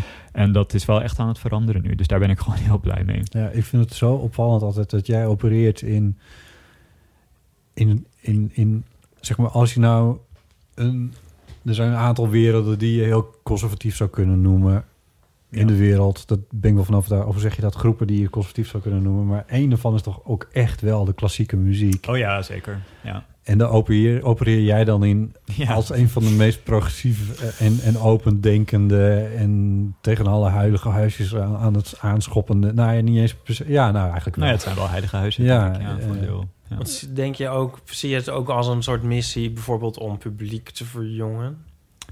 Ja. Ja, al ben ik misschien, ja, in zee, tuurlijk. Want ik ben sowieso voor diversificatie op alle fronten. Dus ook in leeftijd. Ehm, dus ja. Maar het gaat ook om hoe je dat dan doet. En of je dan dat publiek ook echt aan je bindt. En of je soort van hen jouw taal kan leren. En of zij dan eh, ook dat jij ook hen hun taal gaat leren. Mhm. Dus ik bedoel, dus ik valt van alles over te zeggen. Maar ja, het is als je inderdaad alleen maar richt op de, de wat oudere luisteraar. Die natuurlijk wel trouwe luisteraars zijn, maar ook misschien niet zo bezig zijn met hoe het anders kan. Die, gaan, de, ja, die groep gaat natuurlijk op een gegeven moment eh, ophouden te bestaan. Natuurlijk Eh, verloop. vergrijzing is real. Dus ehm, alleen daarom al zou je bewust moeten zijn van dat er gewoon nieuwe eh, toestroom moet zijn. Maar ik zie dat veel meer als inderdaad een, een grotere missie om klassieke muziek ook eh, gewoon breed gedragen en toegankelijk te houden. Ja. Ja. Dus. Je hebt ehm Ipe vanmiddag één ding toegevoegd aan het draaiboek. Oh, Met drie uitroeptekens. ja, wat leuk. Dus eh, zullen we dan maar... Nou,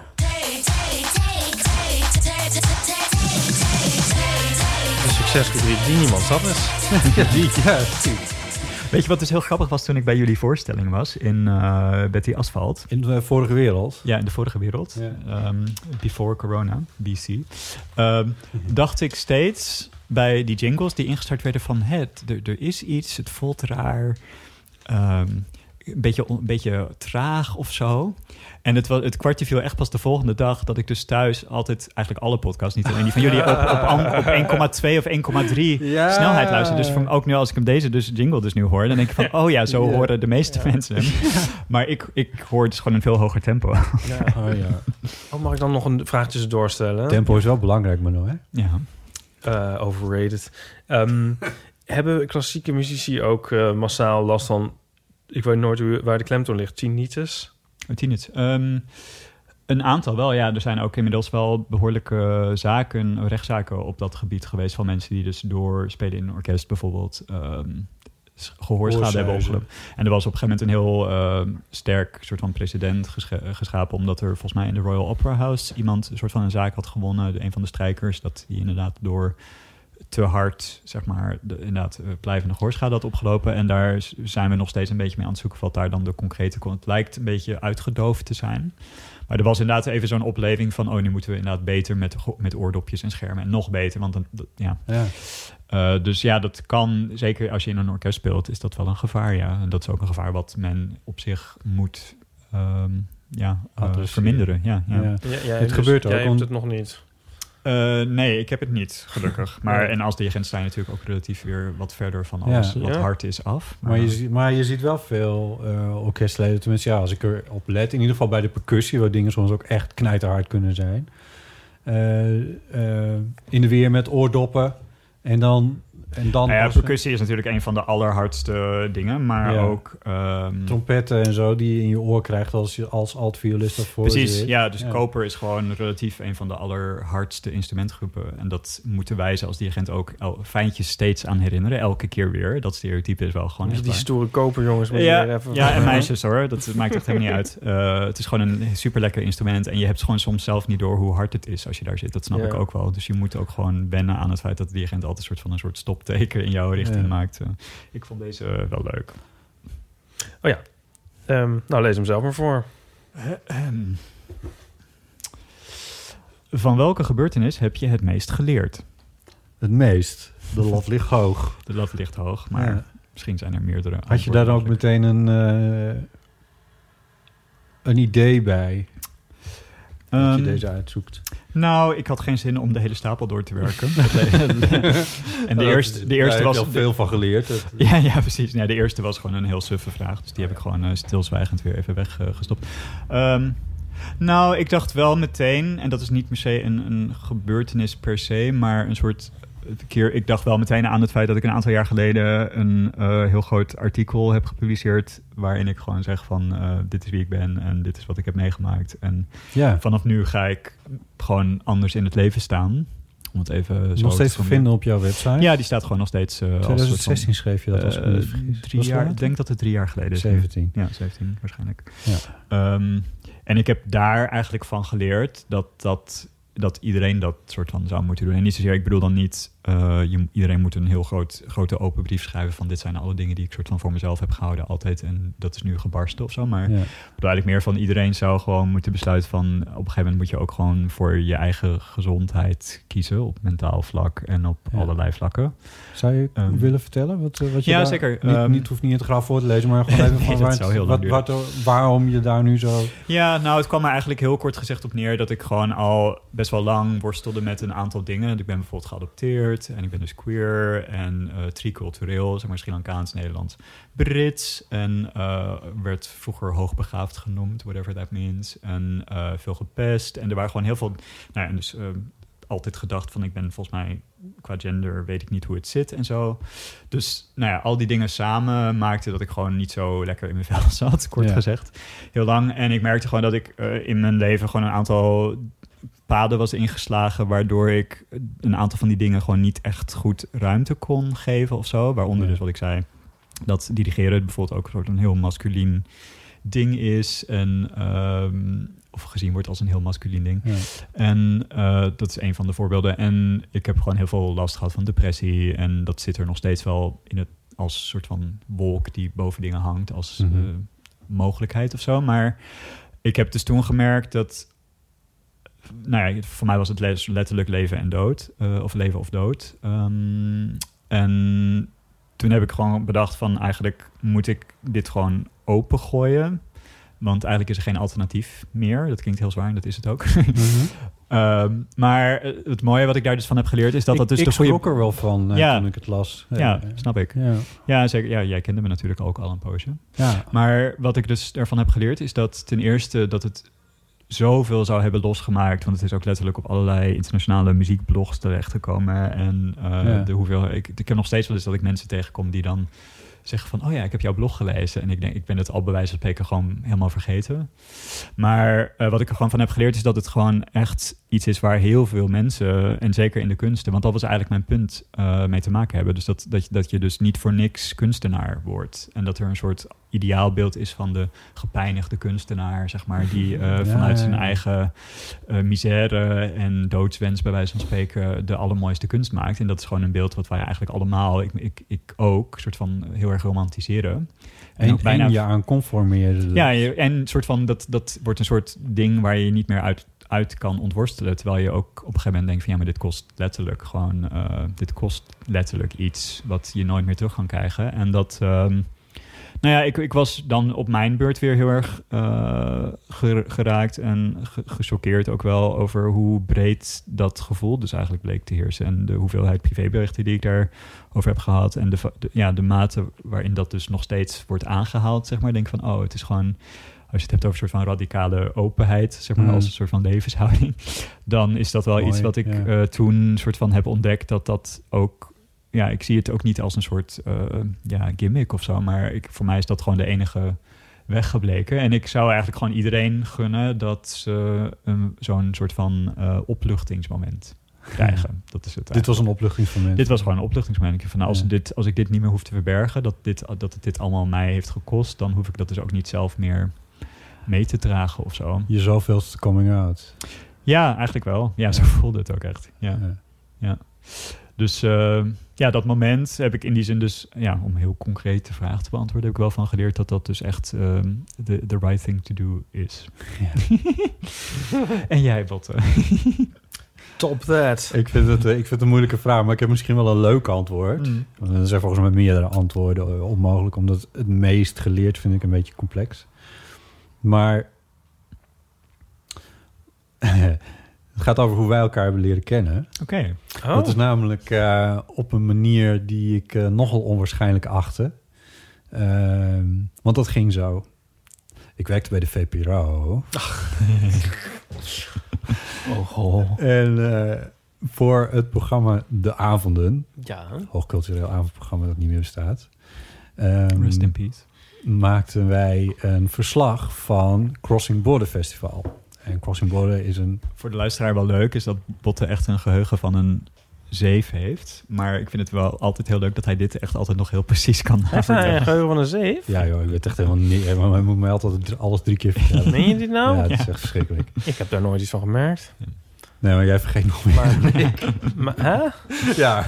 Is nog eh, slechter. Ga door met je verhaal. Border is een eh, festival dat eh, opereert, of opereert dus. Er zijn ook wat iets waar water terechtgekomen volgens mij. Maar in ieder geval eh, te- op de, de- de- eh, muziek en Ja. literatuur. Ik, ik ben er wel eens geweest. In Den Haag, een heel leuk festival. En ehm, dit was in het jaar 2012 volgens mij. Ja, toch? Ja.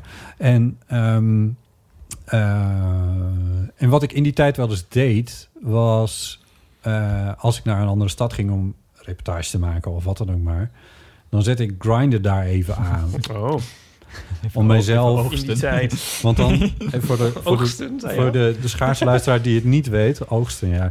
Voor de schaarse luisteraar die het niet weet, die Grindr werkt met locatie. En op het moment dat je jezelf ergens aanzit, dan word je zichtbaar ook voor de mensen die in de nauwe omgeving daarvan, et cetera.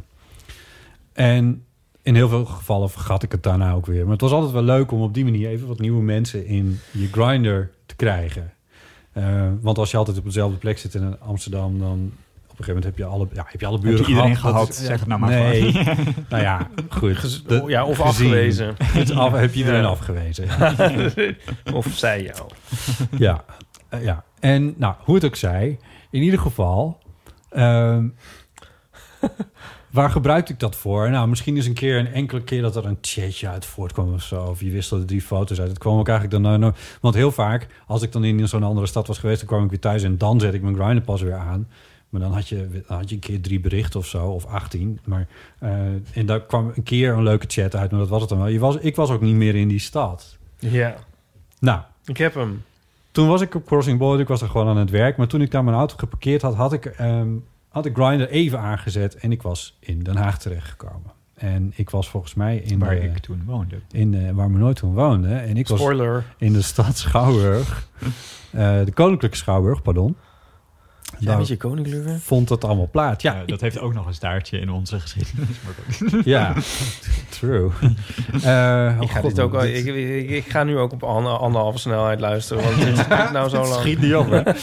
Eh, anyway, iedereen weet al lang hoe dit afloopt. Ja. Maar, eh, nou ja, ik hoef ook niet meer te Maar we vertellen. willen jou Nee, maar, zeggen. maar, maar daar verscheen ineens een, eh, een bijzonder aantrekkelijke eh, jonge eh, conservatoriumstudent eh, eh, in Grindr die mij aansprak, voor zover ik me dat kan herinneren. Want ik was al lang Dat, weer dat offline. detail ben ik dan weer vergeten. Ja, maar ik, ik stond niet online, dus dat kan bijna niet nee, anders. precies. Ja. En, ehm, en wat ik daarvan heb geleerd is dat het wel degelijk mogelijk is om via zo'n dating app uiteindelijk mensen te leren kennen waar je wel degelijk een, een bijzondere diepgaande relatie mee eh, op kan bouwen. Wat tussen jou en mij wel echt, echt is gebeurd. ja, zeker. Eh, en dat is ook niet heel vaak gebeurd tussen eh, mij en, en iemand die ik via Grindr heb leren kennen. Maar het feit dat het kan is kan wel. fijn. Het Ja, is zeker. bewezen dat het kan. En, ja, ik heb het zelfs meerdere keren ja. gehad. Ja. En, ehm, en, en, en nog, nog steeds vind ik het ingewikkeld om Grindr op die manier te bekijken. Maar eh, Ja. het is... eh, Ja, sterker nog, zo heb ik, nou, ik heb jou zo ontmoet. Ik heb Tommy zo ontmoet. Eh, een van mijn een van jouw vriendjes. Ja, en ehm even denken. Oh. Er zitten, er zitten, ja, volgens mij heb ik een handvol mensen. Nou ja, en ik heb natuurlijk via jou echt een soort van heel Amsterdam leren kennen. Dus indirect is dat ook Nou, dankzij Grind. Nou ja, ik heb, ja, ik heb wel heel veel nieuwe mensen. En Ja. daardoor is, deels daardoor is mijn leven gewoon een beetje van Den Haag naar Amsterdam verplaatst uiteindelijk. ja. Wil je het koninklijke staartje ook nog weten? Ja. Ja, dat is heel schattig. Oh god, zo erg. nee! Ehm, Oh, ja, mag Ja. ik dit vertellen? ja, dit mag jij vertellen. Ja, nee, dit was een heel schattig ding, want ik zat dus nog op het conservatorium en ehm, Ik voel me nu een beetje zo'n zo trouwambtenaar die dan verhalen komt halen. ja, nee, precies. Nee, maar, nee, maar dit it's all on record. Eh, nee, het was heel schattig, want ik zat dus op het conservatorium en ehm, elk jaar is er een eh, concert op Palei- Destijds was er elk jaar, een, eh, voor corona, was er elk jaar een concert op Paleis Noordeinde eh ter gelegenheid van, eh, nou ja, toen nog Koninginnedag. Ja. En eh, elk jaar wordt dat anders maand ingevuld. of zo, zoiets. Het was Ja, het was begin, begin april inderdaad. Ja, Ja, zoiets, ja. ja. En op de een of andere reden was het zo gedraaid dat jaar dat het orkest, want eigenlijk de, de, de, ja, de, de, de vorstin die besluit niet echt, die, die zegt gewoon van eh, or- regel maar wat en dat orkest gaat spelen en doe maar. Dus het orkest had zelf bedacht dat het leuk zou zijn als er ook veel conservatoriumstudenten bij dat concert konden zijn. Ja, het orkest was het, concert, het orkest van de 18e Het eeuw. orkest van de 18e eeuw, onder leiding van van- Frans Bugge, die inmiddels eh, ook niet meer onder ons is. Nee, het is de eerste keer dat ik dat Ja, eh, orkest hoorde. ja, echt heel bijzonder. Maar ik kreeg dus, omdat ik dus de directieopleiding deed, kreeg ik dus een uitnodiging om eh, met een plus één naar het Koninginnedagconcert op Paleis Noordeinde te komen. En omdat ik dus toen eh Botten heel vaak zag, eh, dacht ik van nou, het is leuk als wij daar samen heen gaan.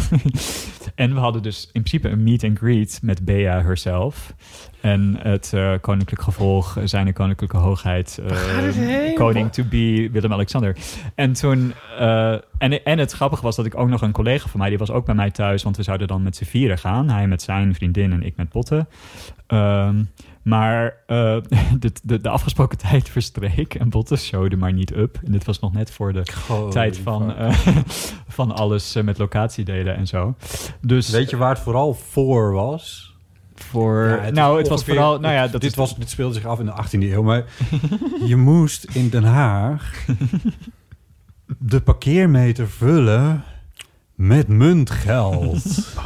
En dit is dus waar het, Het op stuk is gelopen. Dus Botte, heeft op de een of andere manier muntgeld gescoord bij de plaatselijke buurtsuper of zo. ja. Waardoor die ruim een kwartier vertraagd was. Waardoor Ja. wij, en dus ook ik, onze enige kans op een meet and greet met Hare Majesteit Koningin Beatrix Oh, hebben verkeken. nee, En- botten. ja, en nou ja, een Ik jaar voel me later... hier nog altijd zo schuldig We hebben wel het hele concert kunnen meemaken en de borrel na afloop. Dus we hebben wel in de buurt van zowel Bea als wat erg. eh, Wim. ZKH Wim Lex. Ben je nog Eh, kwaad?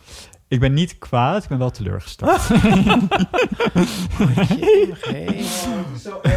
Botte trekt zich even terug. Nou, Hoe kan het toch? wat een verhaal. Ik zie het ook helemaal voor me. Jij is als een gek muntjes in zo'n in zo'n oh ding. man, het was Volgens mij heb ik zelfs nog jouw stropdas verschrikkelijk. gestrikt of zo, omdat het allemaal zo lang ja, duurde. want die had ik nog niet omgedaan. Want het was natuurlijk... Ja, oh god. Oh, het was zo erg. Toen bedoel, kenden jullie elkaar. weet je, Dit nou- was, was het nou allemaal de... Dit was in dat eerste jaar dat we elkaar Het kenden. kwam, het kwam echt door dat muntgeld. Dat weet ik nog. Nee, maar ja, ja, ja, ja. luister. Ja, we zijn En ook wel om andere smoesjes. redenen Ik te raad geweest, maar dit was echt het muntgeld. Ik was, ik was Oh. per se met de auto gegaan. Ja. Want anders Ja, moest ik nee, met ja. mijn pak in de trein en fietsen. En dan, dan nog met de tram naar God knows waar jaar was woonde. 2013, dus even voor context. Oh, ja, 2013 is het pas. Het is, het is niet te geloven, maar echt. En toen... En ik toen zie nou zo'n aftansen, zo'n parkeermeter. tijd- Zo'n, zo'n, Ja, maar dat was wel echt Oh, waar. ja. Tegen die tijd was ik al lang gewend om met appjes eh, eh, een parkeermeters aan te zetten. En in zo. ieder geval gewoon met pinpas. kaarten of god knows what. Maar in ieder geval muntgeld. ja, en, en, dat, en dat, ik, ik, ja, ik stond daar en ik had er ook half volgens mij ook half Lang verhaal kort, ik heb het- dus nooit de koningin een Nee, hand gegeven. Nee. Ja, herhaal het nog maar een keer. Ja. Jemig. En ik zat te denken van, jij wordt helemaal rood bij dit verhaal. Maar ik zit al de hele tijd te kijken, je bent helemaal rood. Maar jij bent helemaal verbrand. Oh. Dus je, heb je een beetje te veel in de zon gezeten? Nou, dat is vandaag onmogelijk, want het heeft je ziet het ook, het lijntje. Ja, oh zo. Ja, nou, misschien ben ik een beetje... Ik heb wel in de zon gezeten. Smeer je wel genoeg? Ik, nou, Dat is belangrijk. Ja, Ipe. Ja. Wear sunscreen. Ehm, Oh. ja, jeetje, wat een verhaal. Nou, dat jullie elkaar nog... eh, tenminste, dat jij, zien. ja, dat jij eh Botten nog wil zien. Maar Ja. ik was toen... Ik, ik, het is echt... Ik, we- ik weet nog vanaf dat ik bij die parkeermeter stond... dat het, dat het me rood voor de ogen werd. Zo, Ik kon het gewoon niet geloven. En toen, en toen kon ik het ook niet oplossen. Want Had je gewoon een bon... Je had ook gewoon een bon kunnen pakken. en volgens gewoon mij was ik eerst naar jou toe gelopen. Ik, ik, ik weet het niet meer, Ik maar wel. we zijn... Ja. Ik ben naar jou toe gelopen Het, met, de, eh, met de vraag... klaar. heb Laat ik even... verhaal het- ja, er was een leuk, er was een leuk Oh. detail aan het einde van het verhaal. Want daar heb je toen nog een heel leuk stukje over geschreven. En dat heb ik dan weer onthouden. Is dat we dus wel eh, arm in arm... dus het terrein van Noordeinde afliepen. En dat we soort nagekeken werden... maar een soort van, met een soort van glimlach... door alle beveiliging. Ja. En dat er dus ja, allemaal mensen in uniform zo staan... en dat Ja. wij dan als twee zeg maar, homootjes... daar dan zo arm in arm Paleis Noordeinde verlieten. Dat had ook wel wat, zeg maar. Ja. Ja. En hoe, hoe lang heeft... een- Ja, nu lijkt je weer rood, maar dat is toch... Ja. En hoe lang heeft deze amourette eh, eh, stand gehouden? Eh, Nou ja, wanneer is die opgehouden? Ja, Ik bedoel, ik bedoel, we zitten hier Ja. nog steeds toch? Jij bent polyamoreus en mijn status is volslagen onbekend. Dus dat is... eh, Ja, nou, precies. Eigenlijk neem jij het gewoon allemaal waar, ook namens botten, zeg maar. Jij bent polyamoreus, jij eh, hebt het er een beetje ik heb bij. er wel een eh, beetje mee te doen, ja. ja het is gewoon een beetje klassieke man-vrouw-rol die hier... Ja, nee, het- nee. Ik, ik, ehm, Ja. Ik de, want wij hebben ge- gescharreld, zullen we het dan zo maar noemen. Ja, tot en met de zomer dat ik jou nog dit huis in heb helpen verhuizen. Dat was zomer van 2013. Ja, en Dus daarna dat- is dus laten we allerlei zeggen- andere vormen. Ja, dus we hebben nog een tijdje over gedaan om elkaar te leren kennen. Maar in ieder geval, dus dat zal wat ik veel, een half jaar zeggen. Of drie kwart jaar zeggen. Ja. Dus, eh, dus, Ja. eh, Leuk. ja, Leuk. ja. Nou, Nou, dat is, maar er is een hele goede vriendschap uit ontstaan. Wat ze horen. Wat ongeveer het beste is wat je je kan wensen volgens mij. Ah, ja. Ja, Oh. dus dat is natuurlijk erg mooi. Ik wil heel graag even een pauzetje, zodat ik eventjes naar de wc kan. Ja, Dit is kan- nog nooit gebeurd. Dat is nog nooit gebeurd. maar kan wel. heel lang Dit hierover is wel... eh, Ja. ja. Ik ja, ga nog even een raam openzetten, want ik word rood genoemd de hele tijd. Ehm, maar we kunnen ook dit moment gebruiken om nog meer wijn in onze glazen te schudden. Oh, want inderdaad is de zangeres Bonnie Pointer van de Pointer Sisters twee dagen geleden overleden. Twee dagen geleden. Ik zit boven op het nieuws. Ja. Eh, wereldberoemde trio scoorde hits als Jump for My Love en I'm So Want Excited. hoe staat ook bij hoe oud ze geworden is? Eh, ja, oh, 69. Oh, dat is niet eens oud dan. Nee, en, de an en een andere zus was al overleden op 52-jarige leeftijd in Oh. 2006. Dus er is nog maar één Pointer Sister. Oh, sad. Ja. Maar zullen we dan ook nog even, als we het dan toch over hebben, op het thema polyamorie doorgaan? Ja, wat mij betreft mag dat. Tuurlijk. Ik weet er niet, niet bijzonder veel vanaf, maar misschien niet iemand anders aan deze tafel er wel wat meer over weet. Het is Wellicht. over guitige, guitige blik krijg ik nou toch weer toegeworpen. maar je bedoelt nu toch gewoon Manoy? Of kijk je mij nou Nee, nee, aan? nee, ga je gang. Ja, nee, ja, nou ga je gang. Eh, ik vind dat wel interessant. Nou ja, er zijn dus niet veel mensen openlijk polyamoreus. Eh, Peter R. de Vries is er natuurlijk één van.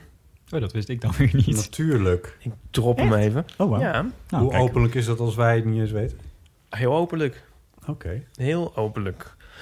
Hoeveel, Hij heeft een... eh, hij heeft, hoeveel heeft je? Hoeveel heeft hij? Hoeveel heeft hij? hij, hij heeft twee relaties. Oké, wat leuk. En, ehm, Twee vrouwen. Ja, Ja.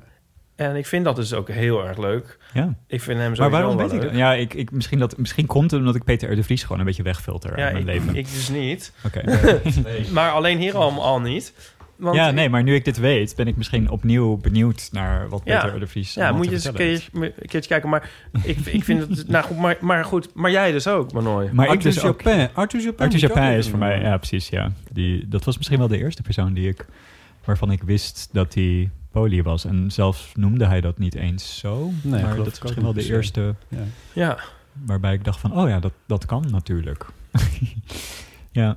Dat Ja, is- opende hij eh, een soort van... Ja, ik denk het wel, want ehm, als ik me niet vergis, woonde ik nog thuis. Dus dan zat ik dus nog op de middelbare school. En toen heb ik gewoon een interview met hem gelezen. Waarin hij het had over hoe de relatie met eh, Benjamin was ontstaan. Dus dat is, eh, nou ja, De Pulitzer Prize winner. inmiddels Pulitzer Prize winnaar ehm, eh, Benjamin Moser. Maar eh, ja, ik denk dat ik gewoon ja, thuis op soort van 16-jarige leeftijd ongeveer, 15-jarige leeftijd, dat interview heb gelezen en toen Oh. al dacht van, oh, Dat kan er ook. Nou, dat kan ook en dat, dat zie ik... Het is een beetje dat- zelfs met gelijkzwevende stemming, hè? Van, hè, dit, in het buitenland wisten ze dit al jaren. Ja, Zeker dat sowieso. Ja, precies. Ja, laten we dat vooral even hebben gezegd. Dat het Nou ja, niks, niks nieuws is. is ook een historisch, pre- historisch president in Nederland in de vorm van... eh, of in de vorm. En, eh, maar Gerard de Reven... Ja, de Gerard. Revenvormige president. ja. Ehm, nou ja, ik bedoel dus ook niet het- begin van de jaartelling of zo. Maar natuurlijk Nee, was, die was er wel vroeg bij. ja. Ja. Wil ik maar eens even Ja, nog de jaren 60. memoreren. Ja. Ja. maar goed, jij dat inspireerde jou. Nou ja, het grappige was dat ik dus eh, toen, als ik me niet vergis, dus nog geen relatie had. En ik heb op mijn zeventiende een relatie gekregen met een jongen uit Drenthe. Die ook van een boerderij kwam. Botten. Ja, dat is een moment. Ik heb die jingle. Agrarische momenten, ja. Door, ja. ja. Ehm, Sorry, ja. Maar anyway, met hem ben ik vier jaar samen geweest. Maar ehm, eh, eigenlijk meteen vanaf het begin van die relatie voelde ik al van sowieso monogamie eh, zie ik niet als noodzaak, eh, zacht gezegd. Monogamie, dat wordt hem niet. Nee, precies. En, en dat, Dat ja, ook een polygamie. ondanks, ondanks nou dat we wel dat in het begin een soort van wel even hebben gedaan of zo. Misschien omdat dat de meest logische, nou ja, was 17 en pre-grinder en smartphone tijdperk en zo. Dus ik weet niet, het was, we hebben even monogaam gedaan, zeg maar. En ik begon eigenlijk al bijna binnen een half jaar volgens mij over dat ik de relatie open wilde en zo. En dat hebben we ook eh, in goed overleg gedaan. En uiteindelijk hebben we daar eigenlijk allebei heel leuke ervaringen ook gehad in de tijd dat we nog samen waren. En de reden dat we uit elkaar zijn gegaan, heeft eigenlijk daar dus ook niks mee te maken. Want uiteindelijk, we waren zo jong toen we elkaar leerden kennen.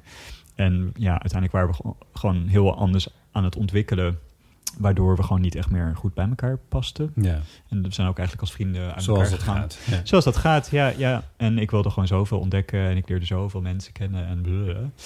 Maar eh, ja, ik weet niet. En op een gegeven moment ben ik ook dingen gaan luisteren als eh, de, pod- eh, de podcast van Dan Savage en zo. En ja, op een gegeven moment... Toen- kwam- Toen al?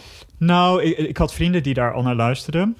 En af en toe Ja. luisterde ik iets, iets, maar ik ben toen niet een podcastluisteraar geworden. Dat heeft Nee. echt nog heel lang geduurd. Ja, Maar ja. af en toe hoorde ik dan af en toe da- da- daar wel iets over. Ja. En ik weet niet... Still mij- going strong. Ergens in aflevering 600 nog ja, wat. het is echt, echt waanzinnig hoe lang die al bezig is. Maar ik weet niet, ik, ik ehm, heb dus eigenlijk in een soort eh, ehm, single zijn om de, ja, bevestigd aan mezelf dat ik daar ook toch wel echt poly ben, voor zover dat een geaardheid mag heten. Eh, en dat ik dus ook eigenlijk alleen maar onder die voorwaarden nog relaties zou aangaan. Eh, dus ook gewoon nooit een monogamie überhaupt zou willen als, als principe. En ook eh, het idee dat je dus maar met één persoon een relatie, een relatie, wat is een relatie, aangaat. Dat, dat snapte ik ook gewoon niet met mijn soort van analytische, Mhm. logisch doorredenerende blik. Want ik dacht van ja, maar elke relatie is toch in principe bijzonder. En waarom zou je dan seks als enige exclusieve ding zien? En als je dan seks als niet exclusief ziet, waarom zouden dan relaties ook niet allerlei vormen? En dus, nou ja, het logische gevolg daarvan, daarom ben ik dus poly, is vanwege mijn, mijn, mijn redeneerproces of zo, is dat het gewoon de- voor mij de meest vanzelfsprekende manier is om eh, in het leven te staan of zo. En in zekere zin is mijn leven zich ook gaan voegen daarnaar. Want op een gegeven moment ben ik ook gewoon gaan roepen van, nou ja, ik, ik zie mezelf niet maar één relatie hebben. Nee. Terwijl er heel veel mensen waarvan ik, ik bedoel, ik weet dat er heel veel mensen zijn die zichzelf überhaupt geen relatie zien hebben, of dat ze denken van dat lukt mij nooit. Of eh, dat, ik, ik weet niet, dat had misschien ook een beetje te maken met waar ik het eerder over had in die blog of zo. Dat je misschien opgroeit met een idee dat er echt een soort ehm, schaarste is. Terwijl Ja. als je op een gegeven moment een soort van inziet dat er eigenlijk overvloed is. Dat klinkt heel cheesy en dat is Ja. het ook. Maar dat er overvloed is, dan heb je gewoon een heel andere kijk op dingen. Ja. En dan is ook een visie van eh, die, die bijvoorbeeld met, door mensen als eh, Simon slash Simone van Saarloos. eh, ja, nou, zij is ook gewoon een, eh, goede eh, gesprekspartner voor mij in dit Ja. soort onderwerpen. En zij, eh, of hen en ik, zijn gewoon heel, Hen, mooi. ja, eh, Ja. Zijn, zijn heel eh, bewust bezig met dit onderwerp. En er zijn natuurlijk heel veel mensen die in de praktijk poly zijn, maar er eigenlijk helemaal niet, eh, ja, zeg maar, op een conceptueel niveau mee bezig zijn. En je kunt natuurlijk ook poly zijn omdat je meerdere relaties hebt, maar alsnog een soort van monogaam zijn, omdat je verder geen seks of relaties daarbuiten hebt en zo. Dus er Ja. zijn zoveel manieren om Ja. zowel non-monogaam als poly te zijn. En ik heb op zichzelf een, mijn eigen invulling van poly. Maar het feit, als ik tegenover iemand zit die zegt... ik ben ook poly, dan wil ik nog steeds heel veel dingen over die persoon weten... voor ik weet of wij dan wel soort van zouden matchen eventueel. Want, Ja. Ja. Maar, maar want, want je, je hebt dus niet, je runt zeg maar niet één huishouden. Het zijn Nee, echt verschillende dingen. Ja. En want, want de vraag die dan denk ik veel luisteraars zullen hebben, en ik ook, is van hoe. ehm, ja, het klinkt een beetje als een kruidenier, maar hoe verdeel je het dan? Want Eh, ja, snap Ja. je? Hoe ga je dan... Je ehm, doet ook de boekhouding voor de podcast. Ja. ik Ja, boek alle ja, maar het- donaties in. Ja, Hè, wie ga, met wie ga ik op grote vakantie? En, Ja. eh, Nee, dat is een heel goede vraag. Ja. En die, die wordt heel vaak gesteld als het over polyamorie gaat. Maar het grappige is dus dat ik eigenlijk dus helemaal niet zo denk zelf. nee. Ehm, en ik zei dus al eerder van... Gaat, ga, ga je uit van schaarste of ga je uit van overvloed? En sowieso dat laatste. En het enige wat er soort van niet in overvloed is, is tijd. Mhm. En geld in feite. Maar ik bedoel, je hebt geen geld nodig om leuke dingen te kunnen doen. Eh, dus het enige wat soort van schaars is, is tijd. En ik heb natuurlijk een heel drukke praktijk qua werk. En eh, mijn liefjes hebben dat ook. En ik heb natuurlijk ook nog een sociaal leven met allemaal soorten relaties en vriendschappen en familie en zo. Dus bedoel, we vragen ook niet aan een moeder van hoe verdeel je jezelf tussen je kinderen, zeg maar. Dus Hmm. dat, dat, Nou, nee, dat niet. Maar wel als je bijvoorbeeld gescheiden ouders hebt... dan wordt het wel een soort van... Hoe, hoe, Ja, nee, dat, oh, die- ja, nee, dat snap, dat snap. Ja, het grappige is, volgens mij is dat allemaal een soort van heel ver van mijn bed of zo om op die manier te denken. En natuurlijk Ja. ben ik, loop ik er wel eens tegenaan, want onlangs is mijn eh, laatst overgebleven grootouder overleden. En toen was het wel even zo van, nou ja, dat is dan natuurlijk een moment waar je een soort van je liefjes ook bij wil hebben. Misschien Ja. deels omdat het soort van hoort, maar ook omdat het gewoon voor jezelf fijn is Ja. om Je hebt ook nog gevoelens. ja, steun natuurlijk. aan. Ja, en, Ja. eh, maar dat viel binnen het soort van de, de corona-periode. Dus toen hebben we uiteindelijk besloten dat zij eh, niet erbij zouden zijn live, maar dat ze het in een livestream dan zouden volgen. Zodat we het, eh, de aantallen klein genoeg konden houden. Dat er niet allerlei extra maatregelen nodig Ja. zouden zijn om het allemaal veilig te houden voor iedereen. Zij was niet overleden aan de gevolgen. Zij was overigens niet... ver- Nee, mijn oma was niet overleden aan corona-gerelateerde zaken, maar eh, gewoon aan ouderdom. Dus eigenlijk op een heel fijne manier gegaan, gelukkig. Maar ehm, nee, en natuurlijk, natuurlijk dingen als kerst en zo. Dan, ik bedoel, ik ben daar op een bepaalde manier soort van... Zowel een beetje een soort hema, kerst is een soort hema voor mij. Zo van, ik heb er een soort, ha- niet een haat-liefde verhouding mee, maar meer een soort Je van... zou het missen van- als het er niet meer was. ik zou het missen als het er niet meer was. En het is wel een soort moment in het jaar dat je inderdaad een soort van er naartoe ehm, trekt of zo om met Ja. bepaalde mensen samen te zijn. Nee, ja. Maar, maar dus zeg maar, als je dan getroost... ehm, eh, ik weet ja, zeg maar dat eerste moment of zo... is er dan... dan de, ligt er dan nooit een gevaar van een soort, soort volgorde of verwarring? Ja, Of- nee, ik snap je heel goed hoor. Ehm, nou, ik, ik, eh, als je er een soort label op zou moeten plakken, dan val ik in de categorie solo poly. Dus solo poly is eigenlijk een soort koepelterm voor mensen die eh, niet per se hoeven samen te wonen met één of meer van hun partners. Of die misschien ook dat. En, en dus ook eventueel nog andere relaties aan zouden willen gaan. Dus niet per se alleen bij hun bestaande relaties blijven of zo. Dus het, valt heel veel onder. Maar ik zie mezelf wel heel erg zo, omdat ik dus inderdaad niet samenwoon met eh, mijn liefjes. En ook op dit moment niet die behoefte heb. En dat woord behoefte is wel een heel, eh, heel erg kernwoord of zo. Omdat eh, eigenlijk als antwoord op jouw vraag... ik ben dus niet bezig met hoe verdeel ik me. Maar eigenlijk zijn we gewoon continu bezig met... wat is je behoefte op dit moment? En wat is je behoefte volgende week? En er is iemand overleden, wat heb je nodig? En als, dan, als ik dan nodig heb van... ik wil jullie er allebei bij en we gaan kijken of dat kan dan is dat gewoon mijn behoefte. En als ik eh, merk van, oh, nu heb ik... Want ze zijn, ja, dat is natuurlijk het mooie van meerdere relaties en vriendschappen hebben. Zeg maar, je bedoel, je hebt ook... Je hebt ook die ene vriend met wie je heel graag naar horrorfilms gaat. Je hebt ook die ene vriend met wie je Ja. heel graag thee Mm. op de bank drinkt en koekjes eet. En je hebt ook die ene vriend met wie je eigenlijk vooral naar musea gaat. En je bent ook niet bezig met... natuurlijke... Ja, precies. En ja. voor sommige onderwerpen waar ik tegenaan loop, dan bel ik eh, Frans. En voor sommige onderwerpen eh, bel ik Tommy. En voor sommige onderwerpen bel ik jou, eh, Botte. En dat, dat maakt, eh, in mijn hoofd zijn het gewoon allemaal individuen... waar ik gewoon op een natuurlijke manier naartoe eh, eh, trek. Je belt me verdomd weinig. Ja, maar dat komt omdat ik je gelukkig nog wel best wel vaak zie. Oh ja. ja.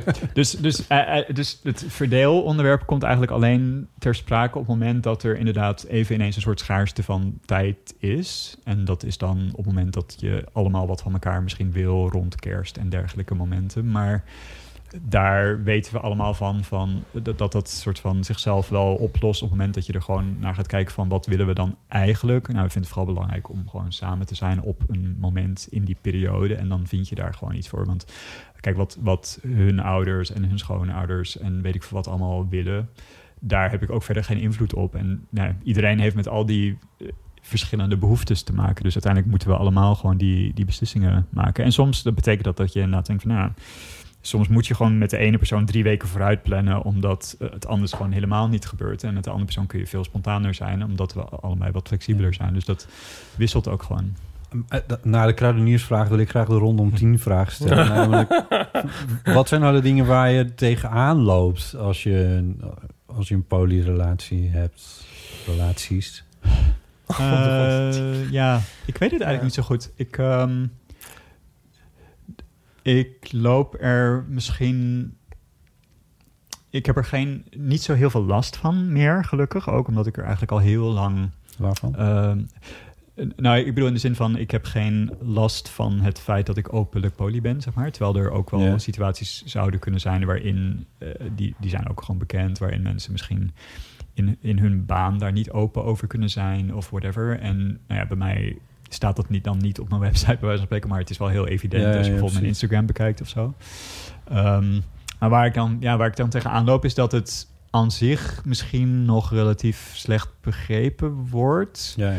En vooral misschien alle vooroordelen die erover bestaan. Want Ja. er- het wordt toch nog steeds door heel veel mensen ehm, gezien als een soort van een excuus voor vreemd gaan, bijvoorbeeld. Nee. En dat ze dan eigenlijk niet zien wat het, e- soort van het ethische verschil tussen vreemdgaan en poly zijn is. En ik heb ook lang niet altijd zin om dat uit te leggen, Nee. uiteraard. En zeker op de dingen als dating apps en zo, dan ehm, loop je ook wel eens tegen mensen aan dat je denkt van eigenlijk wil ik gewoon een soort van organische verloop met deze, dit gesprek. En of er nou wel of geen seks uitkomt, eh, is irrelevant of zo. Maar dan merk je soms al dat mensen zich afsluiten puur omdat je zeg maar poly bent en ze daar niet mee willen of kunnen dealen. En dan denk ik enerzijds van, nou ja, prima, dat is een soort filter, dus dan pas, passen we sowieso niet bij elkaar.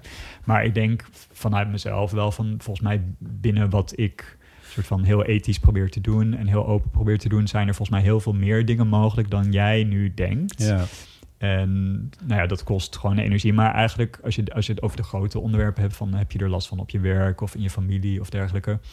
Eh, gelukkig eh, helemaal niet. Ik bedoel, ik weet nog dat ik het soort van terloops met mijn familie deelde. En dat ik met mijn moeder en mijn zusje was. Ehm, en dat dat even ter sprake kwam of zo. En dat ik inderdaad soort van tussen neus en lippen door zei van... ja, volgens mij ga ik gewoon überhaupt meerdere relaties hebben.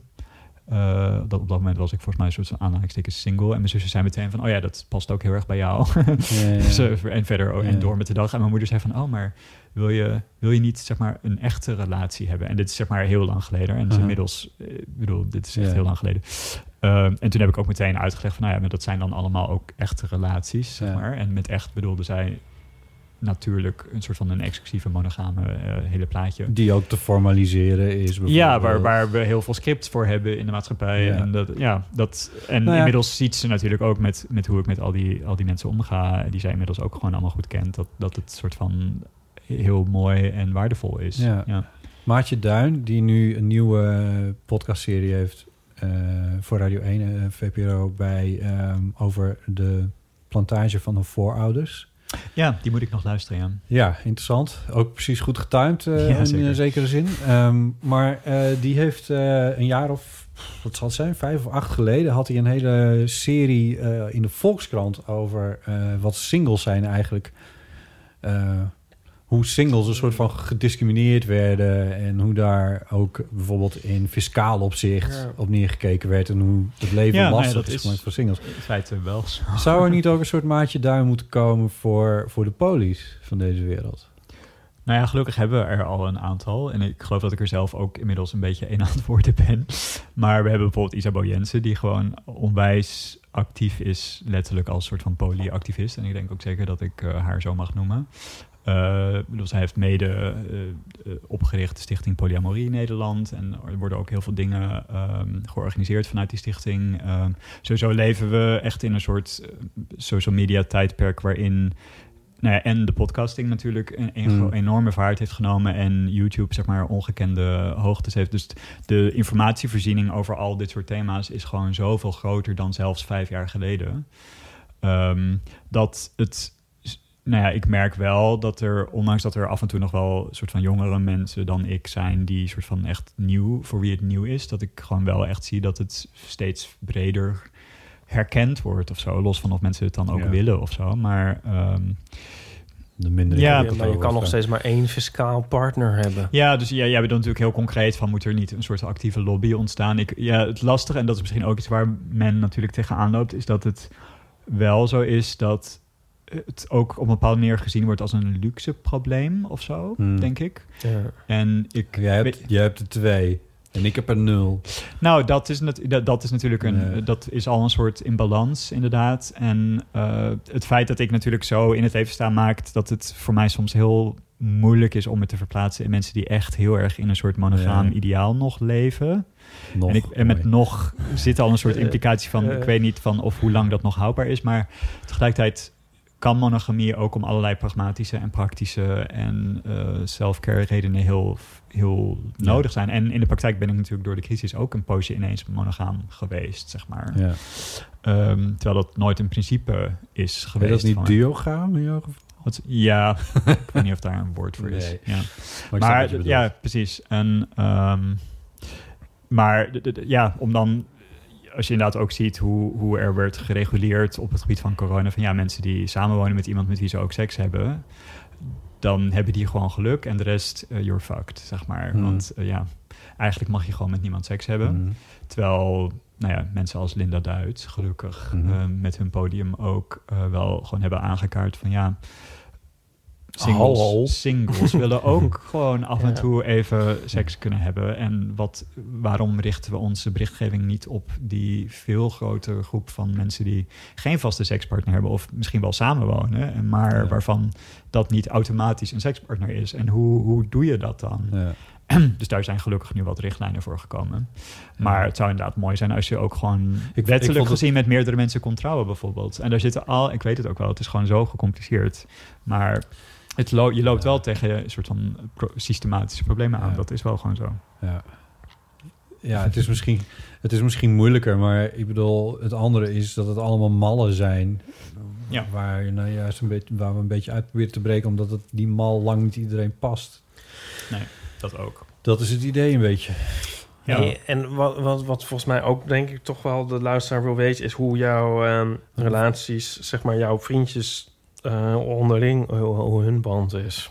Ja, nou ja, er is inderdaad een Gaat soort aanname... geen bal aan, maar ze willen het nee, wel weten. nee, maar als je het hebt over alle, alle clichés, inderdaad is dat wel belangrijk. Want nee, nee, nee, nee, maar er, er is een soort eh, opvatting dat polyamorie automatisch inhoudt dat iedereen het, het met elkaar doet en zo. En dat het een soort van altijd grote orgies zijn. En dat kan het natuurlijk Nee, of zijn. elkaar naar het leven staan, kan ik me ook voorstellen. Dat kan ook, inderdaad. Ehm, ja, dus van, ja, maar ben je dan nooit jaloers? Ja, natuurlijk zijn wij jaloers. We zijn allemaal mens. Eh, dus het, het is ook een misvatting om te denken dat je zeg maar niet... eh, dat je alleen maar poly kunt zijn of kunt praktiseren als je nooit jaloezie voelt. Want ik denk dat polymensen net zo vaak jaloezie voelen als de gemiddelde mens. Maar ik denk dat we er gewoon, we er gewoon anders mee omgaan. En dat je jaloezie in beginsel niet als een probleem ziet wat de ander moet oplossen, maar wat je vooral zelf moet oplossen met behulp van de ander. In plaats van dat je dus de ander zegt van ik voel me jaloers, dus jij moet je anders gedragen.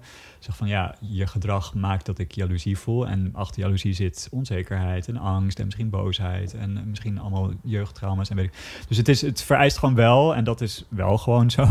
Poly zijn vereist wel dat je in jezelf durft te graven. Mm. Ehm, en het verlengde daarvan betekent dat dus ook dat je dus niet moet verwachten dat iedereen die jij leuk vindt ook elkaar ook leuk vindt. Dus die, die verwachting moet je ook gewoon om, om te beginnen al loslaten. Mhm. En eh, gelukkig heb, nou ja, als ik het heb over Frans en Tommy, dat zijn dan mijn twee soort van hoofdliefjes. Ehm, Hoofdliefjes. ja, en die hebben allebei, eh, of nou ja, die hebben allebei in de tijd dat ik met ze ben ook andere relaties eh, gehad, waarvan een aantal nog bestaat. En eh, nou ja, met een aantal van die relaties kan ik het heel goed vinden, en een aantal minder. En zij kunnen het gelukkig heel goed met elkaar vinden, maar zij gaan niet samen met z'n tweeën eh, uitstapjes maken, bijvoorbeeld. Die, die band zou er nog eens bij moeten komen. nou, dat zou ik heel leuk vinden, maar dat, die, Ja. dat, dat is aan hen en dat staat los van mij. Dus in feite, Ja. als je dus zeg maar hebt over drie mensen, dan zijn er ook in feite drie relaties mogelijk. Plus misschien de eventuele relatie van alle drie met elkaar.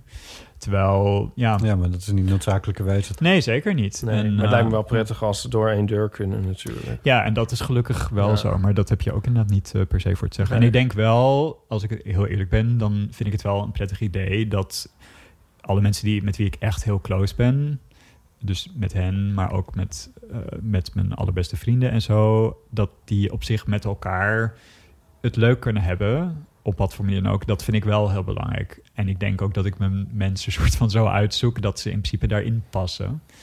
Ja. Uh, maar uh, ja, ik kan niet afdwingen uh, dat ze dan ook vanaf nu met elkaar altijd naar de film gaan samen. en dat hoeft ook helemaal niet. ja. Um, hoe waren de afgelopen weken voor jou? Um, nou ja, dus die, die vraag die Ipe die natuurlijk al een beetje gesteld had. Ik vond het wel, je bedoelt zowel de coronacrisis als de... Ik bedoel nu de, vooral denk ik even Black Lives Matter. Ja, ja. ja. Um, ja, zwaar en heftig en intens en uh, alles. Zeg maar, het, het was wel gewoon... Uh, ik bedoel, ik was al een beetje moe en mur van de hele situatie rondom Ja. corona natuurlijk, net als iedereen. En, dit, en het onderwerp racisme speelt natuurlijk in mijn leven ook een heel grote rol. Dus dat dit er zeg maar nog bij kwam, eh, was tegelijkertijd heel... ehm, nou ja, de aanleiding was natuurlijk super heftig en Mm. treurig en fout. Maar het, wat er ontstaan is als gevolg daarvan is ook heel bemoedigend en inspirerend. Maar het legt ook zeg maar de omvang van het probleem eh, bloot. En het maakt je, in, in mijn geval maakt het me heel erg bewust van dat ik ook, en dat hebben heel veel mensen die, eh, nou ja, mensen van kleur en zeker heel veel zwarte mensen, want ik ben natuurlijk zelf niet zwart, dus dat is ook nog weer een soort verschil in beleving. Eh, ik, ik zag wel ineens een soort bereidheid tot verandering Ik die. voel de behoefte om er even even bij te zeggen voor de luisteraar dat je wel van kleur zou kunnen zijn. Hoe hoe zullen we dat zeggen? Nou ja, ik ben, ik, ik ben bruin, dus zou ik Ja. zeggen. Ja, dus ik ben, ik, kom, eh, ik ben geboren in Sri Lanka. Ja. Ehm, dus eh, I know what racism is. ja. Maar ehm, de, ja, ik weet niet. De, de, het, legt zeg maar de omvang van het probleem bloot. Dus dat is een soort van voor iedereen op een bepaalde manier chockerend. En het legt ook een soort van bloot dat het kennelijk dus nodig was dat er zo'n grote beweging op gang zou komen voordat er eindelijk is een beetje ja, schot in de zaak Ja. komt of zo. Want inmiddels, ineens zien we nu wel heel veel goede dingen gebeuren. In de zin van mensen die echt gewoon eindelijk eens die boeken gaan lezen waar wij het al jaren over hebben. En eh, Grote bedrijven die. ja, grote bedrijven die nu... Ja, nou ja, statements zijn natuurlijk aan zich niet genoeg. Maar er zijn zeker bedrijven die echt nu stappen aan het zetten zijn. En wat vooral belangrijk is, en dat is natuurlijk een soort grote parallel met de mm, soort van hashtag MeToo-beweging, is dat doordat er zo'n beweging op gang komt, voelen mensen zich ineens ook veel meer gesteund in het uitspreken tegen dingen die eigenlijk misschien al veel langer spelen. Dus wat Ja. ik nu ook bijvoorbeeld heel veel zie, is bijvoorbeeld mensen binnen de klassieke muziek die gewoon zeggen van ja, toen ik zangles had als zwart persoon, toen heeft gewoon mijn witte eh, docent tegen mij gezegd dat ik altijd eh, op zal moeten boksen Ja. tegen de kwaliteit van witte mensen en dat ik als zwart persoon een inferieure stem heb. Gewoon Ja. als letterlijk.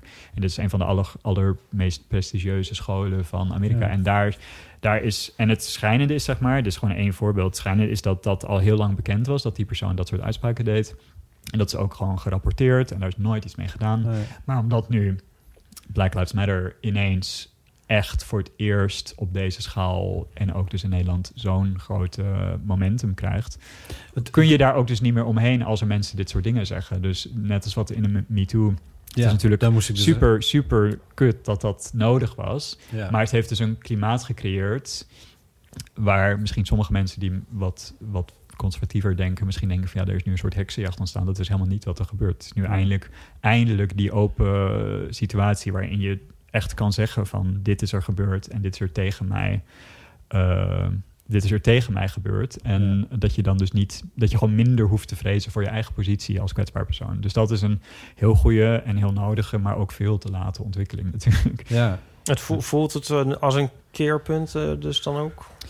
Ja, nou ja, het is heel complex, want ehm, eh, er is... Ten eerste is het nu heel erg de focus is uiteraard terecht Black Lives Matter.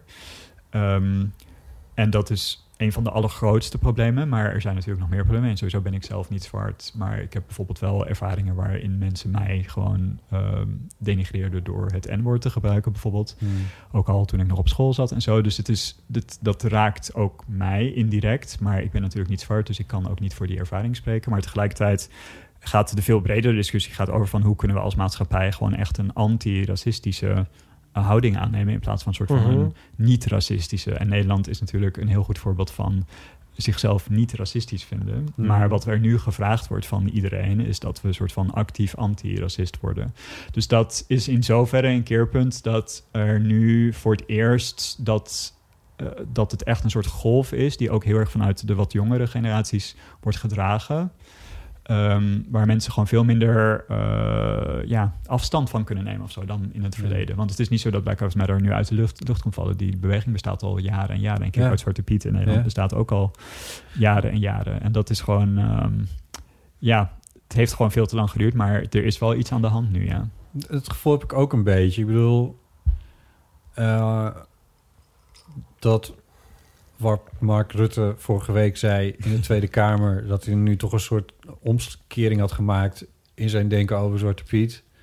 Ja, en de volgende dag daar bij een soort van Ja, 99% op I know. het, is, het, is, het, is zo, het is heel dubbel allemaal, maar dat hij dat heeft gezegd, Dat is al, dat, ik bedoel, het is de bare, bare, bare minimum. Maar het is, ja. in zijn geval is het iets. er is beweging. En Ja.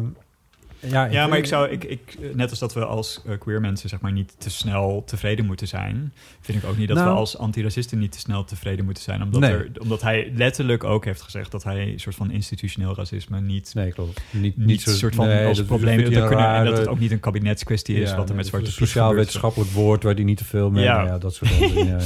Dus dan denk ik van, nou ja, goed, eh, ga je huiswerk doen, eh withuiswerk.nl, Mark Rutte. En eh gisteren op de demo in, eh, in de Bijlmer is hem ook aangeboden om workshop te komen volgen van mensen van kleur in de Bijlmer, die hem is gaan vertellen hoe het zit. ja. Ehm, dus nou ja, het zou heel goed zijn als hij dat zou Ja. doen, want institutioneel racisme is gewoon wel echt een ding. ja. Ehm, en ik, ik ben minder hoopvol over mensen als Mark Rutte die dan dat zeggen voor de bühne en dan de volgende dag dat terugnemen, dan over mensen die misschien niet met zo'n podium, maar wel het werk aan het doen zijn wat Ja. erbij hoort. Ja. Wat ook gewoon heel zichtbaar is. Ja. Ja.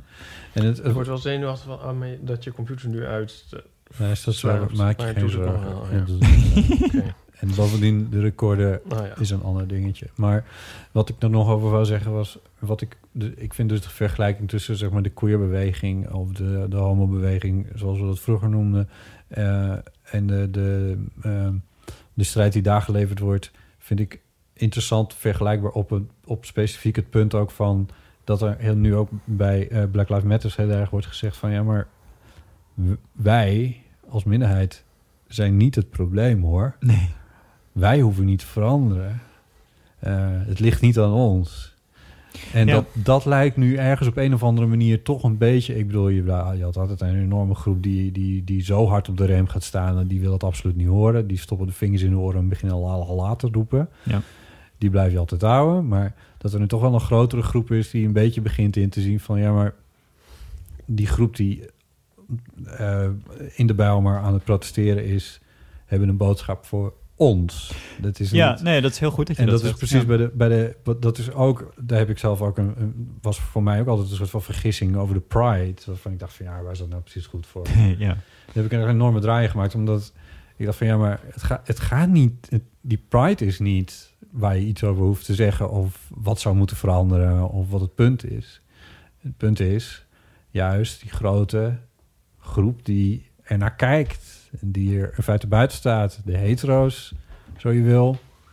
eh, die homo's op een bepaalde manier benaderen. Daar moet iets veranderen.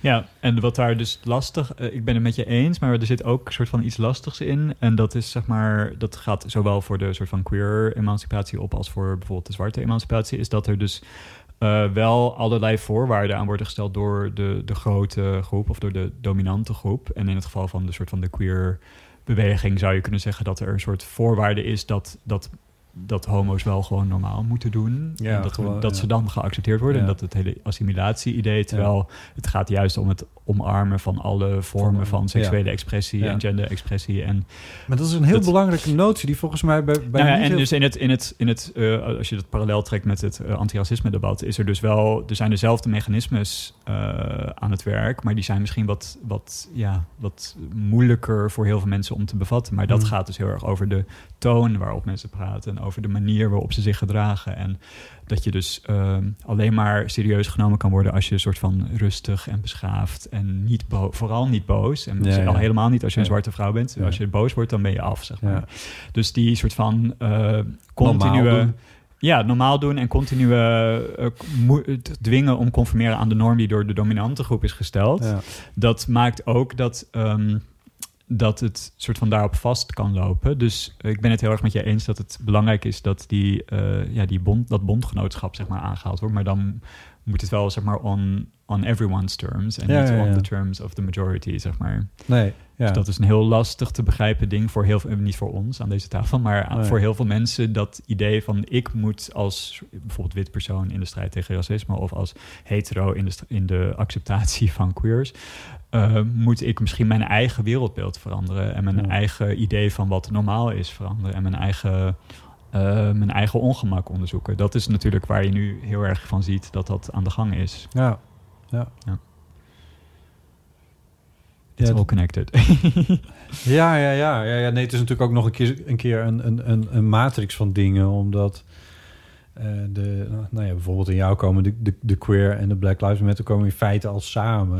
ik ja, nou ja, zeker. Ja. Eh, Het was heel mooi, want ik had gisteren mijn... ehm, en ook bij de demonstratie in de Dam had ik mijn... ehm, die was mede, beide keren waren mede orga- georganiseerd door een aantal organisaties, waaronder Kick-Out Zwarte Piet natuurlijk, maar ja. ook de... Bla- bent bij beide geweest, hè? ja, ja, en ook de Black Queer and Trans Resistance van, van vooral de Randstad.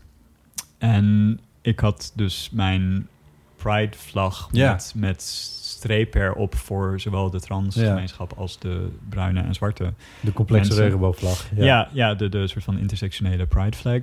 En dat was wel grappig, want ik, ik zag sowieso heel veel mensen met regenbogen en gekleurd haar en een soort van leu- leuzen op borden uit de queerbeweging. Maar ik zag niet zo heel veel van deze vlaggen. Dat komt ook omdat ze nog relatief nieuw zijn. En Ja. niet iedereen, eh, dus ze sowieso nog niet in de winkel te koop zijn. Dus ik had hem via, via, via, via gekregen vorig jaar. Ehm, maar ja, dat is iets wat natuurlijk nog steeds een beetje moeilijk te begrijpen is voor veel mensen. Want er is natuurlijk, je zou enerzijds kunnen denken dat eh, omdat je queer bent, dat je dan snapt wat uitsluiting is. Dus dat je dan een soort van immuun bent voor dingen als racisme en seksisme en noem maar op, alle ismes. Maar er is helaas natuurlijk binnen de queer community ook gewoon heel veel racisme. Dat weten we. Het hele verhaal van eh, zeg maar no Asians, no blacks. eh, Mhm. dat eh, wat vaak op profielen heeft gestaan en inmiddels een beetje gefilterd wordt, gelukkig. Ja. En dat er ook gewoon een soort dominant wit, gespierd, mannelijk eh, beeld, ja. ideaalbeeld is, wat eigenlijk zo heel veel van de, de soort van uit, ja, de Ja, scene, een soort, zeg soort. Ipe nee, Ipe is lief. Ehm, maar de, ja, een soort eh, ja, beeld wat soort van de hele scene domineert. Ja. En eh, dus heel veel mensen uitsluit. Ehm, Andersom is er ook veel homofobie in, eh, onder, in de zwarte eh gemeenschap. ja, en dat is ook een probleem. en dat is ook een gesprek wat gevoerd moet worden. Want? Ja, Eh, zonder mezelf op de borst te kloppen, maar ik was er gisteren bij in Mandela Park. Ja. Ehm, eh, ik heb je helaas niet gezien, maar dat kwam omdat er meer dan 11.000 mensen waren. Ja, en die ver van elkaar afstonden. historisch en ik, was. Ik wilde niet... eh, ja, het was wel echt heel veel... En het waren veel mensen. En ik wilde niet overal tussendoor krioelen Nee, om mijn vrienden op ja. te zoeken. Anyway, maar wat het punt is... er werd, waar veel, als je naar de Bijlmer gaat... Ik heb verschillende projecten gedaan waar dat een rol bij speelde. Maar dan, als je iets met de Bijlmer doet... dan ben je meteen in het evangelische. Dus er werd heel veel om eh, God en Jezus geroepen vanaf het podium. Ja, nou, ik vond het wel Maar- mooi dat ze een podium gaven aan een islamitische spreker en dan een christelijke spreker. Ja, en dat was ja. allemaal gewoon wat, ja. En dat, maar ook een paar keer wel eh, de LHBT-gemeenschap, ja. gemeenschap, ehm, eh, aangehaald werd als allies. Dus dat vond ik dan wel Tuurlijk, weer ja. goed. Ten overstaan van, van 10.000 mensen uit de Bijlmer we, eh, toch echt wel eh, religieus of, of evangelisch geïnspireerde eh, mensen zijn over het algemeen. Eh, Ja, zeker. Nou, ik, ik, en ik voelde me daar ook eigenlijk eh, gewoon heel veilig om maar Mm. gewoon met die regenboogvlag rond te lopen. En, en het is ook nog iets wat ook gewoon heel veel op social media nu gedeeld wordt onder wederom de wat jongere, eh, het jongere publiek, is dat gewoon die, die, die kreet van racism is a queer issue. En dat is gewoon iets wat we allemaal gewoon denk ik nog beter ter harte kunnen nemen. Want eh, je kunt inderdaad niet zeg maar het slachtoffer zijn van uitsluiting vanwege je geaardheid of je gender. En dan soort van ontkennen dat racisme ook, of dat je zelf dan ook de dader Ja. bent, kunt zijn van racisme of eh, nou ja, andere vormen van uitsluiting. Dus als je echt soort van radicaal inclusief wil zijn, wat soort van queer zijn inhoudt voor mij, als je jezelf zo labelt, dan. ehm, ja, dan, dan ook zo'n zo'n vlag bijvoorbeeld. Dan gaat het ook heel erg over van... je kunt niet soort van denken van... nou, ik, ik kan mezelf zijn als queer persoon in deze maatschappij met mijn poli en weet ik veel wat. Maar eh, ik vergeet eventjes voor het gemak dat er islamofobie is... en dat er een Wilders is en een Ja. Thierry Baudet is... en dat er eh, de maatschappij ingericht is op mensen die eh, niet in een rolstoel zitten... en nou ja, enzovoort, enzovoort, enzovoort. Dus dat zijn eigenlijk allemaal dingen die je daar dus gewoon in in dat besef moet meenemen. En daarom had ik dus ook de leus van eh Marsha P. Johnson, eh, de grote heldin van eh, de Stonewall Riots. En haar historische uitspraak was: ehm, There can be no pride for some of us without liberation for all of us. En dat is, ja, dat is wat je ook op zo'n moment gewoon heel sterk voelt. En, en Zei ze dat in 69 al? eh, dat heeft ze in documentaires gezegd. Dus ik weet niet of ze dat letterlijk met de, de, de, de baksteen in de Ja, hand nee, heeft geroepen... terwijl ze de, de politie Nee, aanviel. nee, maar we inderdaad. kunnen niet alles van haar vragen. Ja, dat ja. voert wel ver. Mag ik dan vragen, niet, ik wil het niet verkeerd begrepen worden, maar ehm, vo- voel jij, eh, vallen voor jou daar ook dierenrechten onder? Oh, dat is een heel goede vraag. Ik, eh, ik, ja, je bedoelt, is, bedoel je heel concreet, is dierenrechten iets queers? Of bedoel je, Ja. is, is klimaatverandering en dierenwelzijn iets queers? Of wat is jouw? Me- Dat eerste meer eigenlijk. Als je die quote, zeg maar, van... ehm ehm, wil je de quote nog eens doen? There can be no pride for some of us without liberation for all of us. Ja, daar denk ik daar... Dat, daarbij denk ik daar eigenlijk aan. Nou ja, ik, eh, ja en nee. ik wil denk niet dat- het, het issue verwateren eigenlijk. Nee, nee, nee, maar- ik snap, ik snap je vraag Ja. wel goed. En ik denk zeker dat als je dus een soort van radicaal queer bent... Het is niet voor niks dat zeg maar, de soort van radicale queer bewegingen... ook vaak soort van krakershuizen bezetten. En dat die ook vaak vegan zijn. Ja. Eh, dat, dat is ook gewoon allemaal met elkaar verbonden. En ehm, je kunt inderdaad... Ja, je moet jezelf soort van informeren over al die, dus al, die dingen. Dus als je inderdaad dierenleed, zeg maar, als eh, issue ziet, dan kun je dat natuurlijk niet negeren. Mhm. En in het verlengde daarvan, los van het dierenleed zelf, is natuurlijk ook nog gewoon het klimaat. Ja. En klimaat raakt natuurlijk iedereen. En we weten ook dat klimaatverandering eigenlijk de armste, de armste mensen eh, het hardst raakt. zeker. Dus ook om die reden is het soort van ook weer gelinkt met racisme en dus ook weer met queer zijn, omdat je dus niet zeg maar alleen maar met jezelf bezig kan zijn. Je moet gewoon Ja. heel erg. dus op een bepaalde manier is het ook gewoon zeggen van je bent gewoon onderdeel van een heel groot netwerk van, van mensen die allemaal gewoon willen overleven en allemaal het recht hebben om te overleven. En ehm, nou ja, leed in alle vormen, dus ook dat van dieren zou ik zeggen, is op zich natuurlijk heel. ehm, eh, ja, dat moet je gewoon zoveel mogelijk proberen te verminderen dan. ja. En er zijn allemaal gradaties in, denk ik. Ja. Mag ik zeggen dat jouw vriendje op Instagram een post deed? ja. En ik, maar daar heeft hij ook wel... de- de- Wat ging niet daar tegen over niet tegen mij. All species are equal, zoiets was het. Eh, maar, ehm, Ja, nee, ik, dus ik snap dat ook. Ja, daar had Maar hij ook problemen mee. Maar zeg maar, sommige mensen vinden dat tof en andere Nou, er niet. is een- Maar er ik is een vind probleem. ook dat er wel... Er is nu een spotlight op, op, op iets anders. En dat, dat, dat snap ik ook eigenlijk heel goed. Maar Ja, eh Dat het nu het even- is een soort in mijn achterhoofd. Het is- ik wil het daar is niet ook- te veel van afleiden. Nee, hoor. nee, nee, zeker. Nee, dat snap ik ook. Dus zo vat ik het ook niet. Maar het is, het is gewoon lastig, omdat er natuurlijk... eh, er zijn ook... Het zijn allemaal stereotypen misschien, maar het is ook gewoon waar. Er zijn ook gewoon genoeg voorbeelden te vinden van voornamelijk witte mensen... die relatief rijk zijn. Dus veel meer eh, vegan zijn als een soort lifestyle Mhm. hebben. Ehm, maar echt totaal niet bezig zijn met antiracisme of met hun eigen privileges. Of, ehm, en dat kan, zeg maar, het gaat beide kanten op. Zeg maar. Je kunt niet zeg maar, super voor dierenrechten zijn en vergeten dat zeg maar, er ook gewoon mensen Nee. zijn die nog meer lijden dan het gemiddelde eh, Klopt. varken in een stal in Nederland. Zeg maar. Ja. Dus het is allemaal, ja, het is, het is natuurlijk veel te veel voor één mens om te bevatten. Maar tegelijkertijd wil je eigenlijk zoveel mogelijk van al die dingen tegelijk bewust zijn. of zo. Ja. Ja? Nee. Is er een... Want ik zit ook te denken, zoals je het nu ook vertelt... eh, en dit is natuurlijk voor mij geen nieuw verhaal... maar het, eh, eh, hier hoort ook wel... hier hoort politiek bij. Tuurlijk, ja. En is er in het... want, want het, is, het, is, het is ergens ook een soort radicale houding. Ja. Is er Het, een... wo- ja, ja het, is, het, het voelt heel logisch eigenlijk, wederom. Maar het is in, Ja. in het algemene spectrum is het heel radicaal. Ja, ja, je- ja precies. En, ehm, maar past er in jouw optiek een, eh, een, een politieke partij die we nu in Nederland kennen bij dit verhaal? En ik bedoel, kan het natuurlijk een paar... eh, misschien ben ik nu deuren open aan het trappen die al lang open staan, maar Sylvanus Simons is natuurlijk al een van de eerste Nou ja, die ik kan precies. noemen. precies. Bij één is zeg maar natuurlijk de partij die eigenlijk dit alles gewoon belichaamt. Ja. En ik denk dat het gewoon heel belangrijk is dat zij in de Kamer komen. En het mooie zou zijn als ze daar ook gewoon... Ze zitten nu in de Amsterdamse gemeenteraad, maar ze zit Ja. volgens mij niet in de, Ja, in in de Tweede eh, Kamer. ja. In Utrecht ook? Oké, in, de, in de Tweede Kamer zitten ze niet, nee. Nee, nee, en ze zijn nu alles eh, op alles aan het zetten om bij de komende verkiezingen daar dan wel eh, in te komen. Ik Maar het ik mag er iets over zeggen? Ja. Sorry, nee, eens. Nou, ik bedoel, er zijn gewoon, ge- er is natuurlijk geen enkele partij die.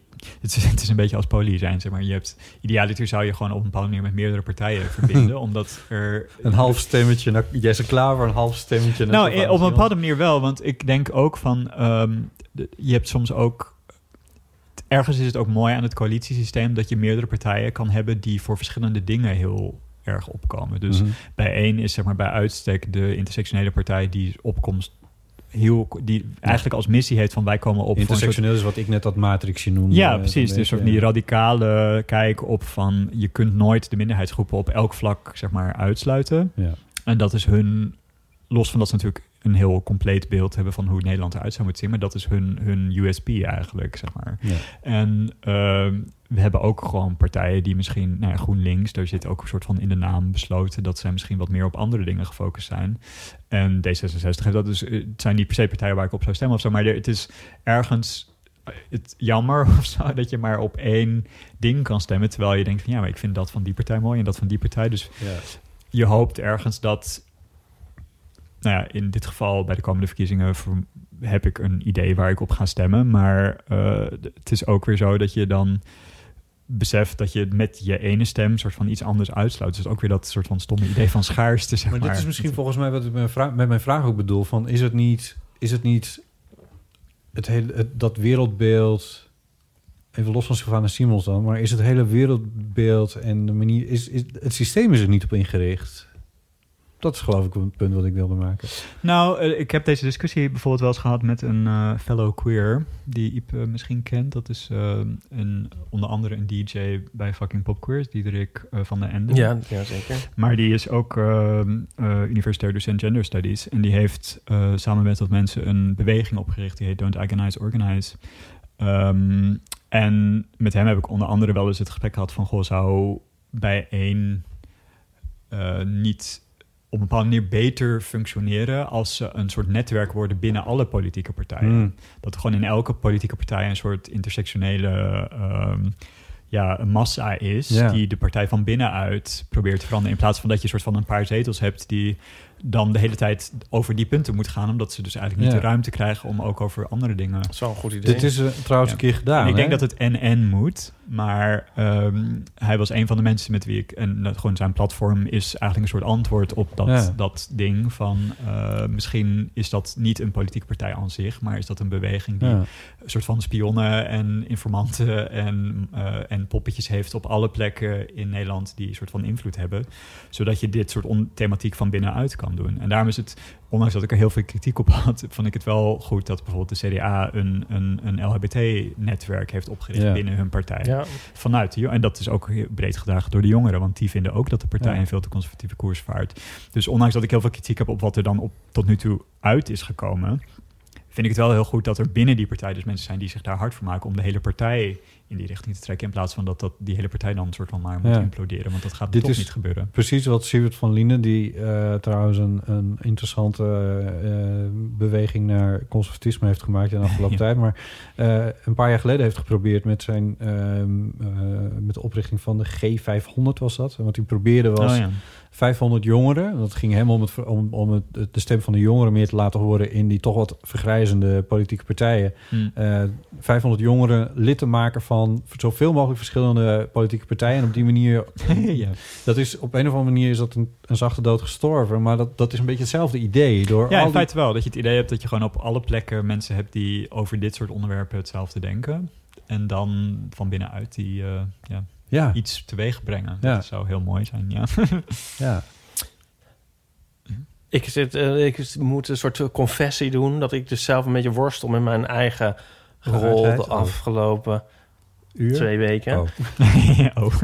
Omdat ehm, ja, dat eerste protest, toen had ik dus net mijn deadline gehad van het parool. Oh ja. Maar ik vind het, ik vind het dus iets dat eigenlijk schreeuwt om een eh, strip Ja. of zo. Of iets waar... Ja, ik heb een plek een in de krant. En ik ja, weet Flo, dus... Flo de Goede had natuurlijk een heel mooi eh twee, twee luik ook, waarin hij een soort van een strip had gemaakt en dat hij de tweede strip eigenlijk een soort correctie was op de eerste. En, Ja, dat je maar dat vind ik dus iets moeilijks. Want die, die, dat zou ik dus liever niet doen.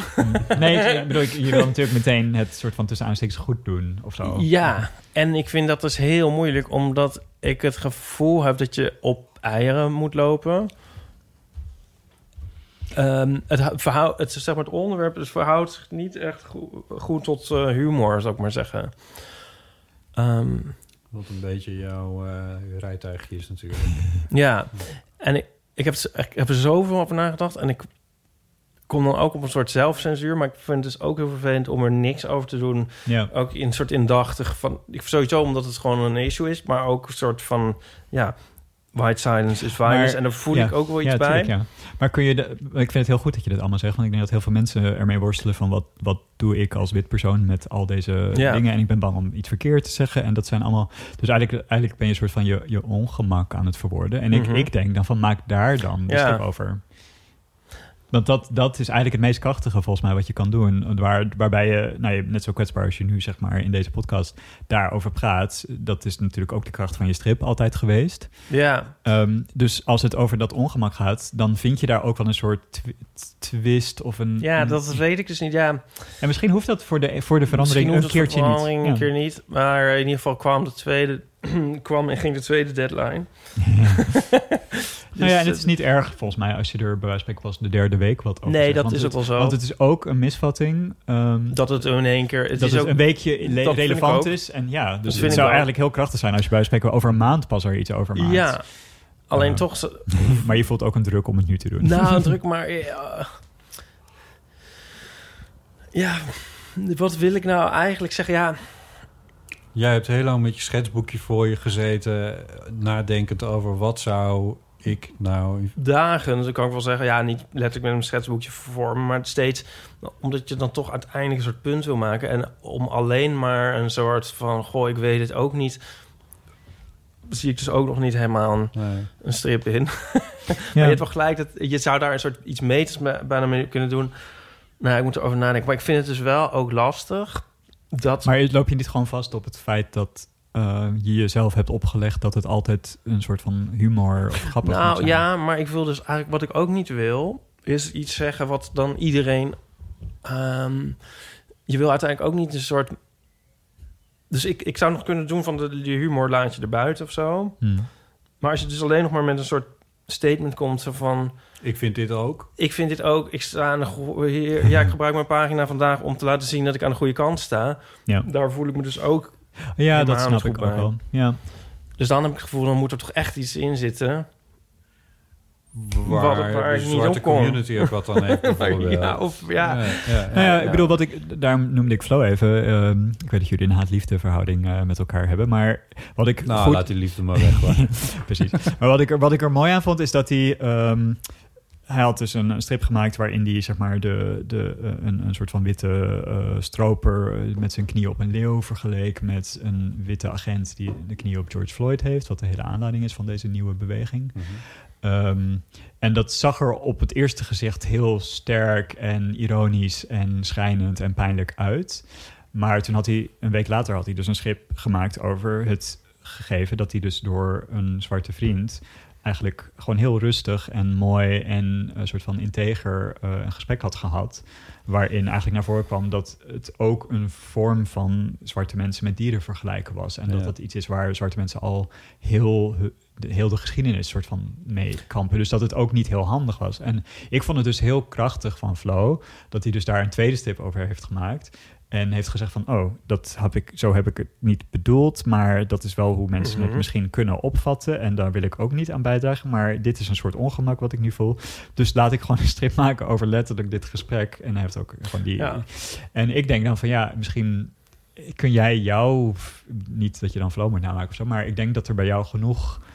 ehm, Ja, beweegt of zo, waarbij er een soort eh, Ja. ei- authentieke eigen versie van is. nou ja, die zeg ja. maar wel heel erg aanspoort tot... Maar wat ik er dus wel ook lastig aan vind, want ik begrijp ook weer het ongemak en de moeilijkheid met die cartoon. En die, ik herkende zeg maar dat, die, eh, dat probleem in die cartoon. Ja. Maar eigenlijk is mijn, daaronder weer mijn standpunt dat ik wel vind dat die cartoon ook weer moet kunnen, zeg maar. Hm.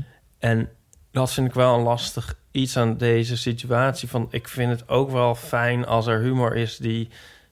eh, ik ben eigenlijk zelf nooit zo van chockerende humor. nee. Maar ik ben er wel voor dat andere mensen die maken. Ja, nou ja, maar in dit geval gaat het ook, is het ook weer dat oude vraagstuk van punching up en punching down. En wie, wie Hmm. leidt er onder de grap die je maakt. En het was eigenlijk, Ja. die, eerste, die eerste strip was eigenlijk heel goed bedoeld. Ja. Het was ook niet eens een grap. Het was gewoon zo van, dit is, Nee. Een dit beeld, is, dit is het beeld. Ja. zo. beeldrijm. Maar ja. Ja, Maar dus een het is natuurlijk een vergelijk. Ja, ja, ik zie alle problemen ermee. ik zou dus daar zelf... Ja. Mm.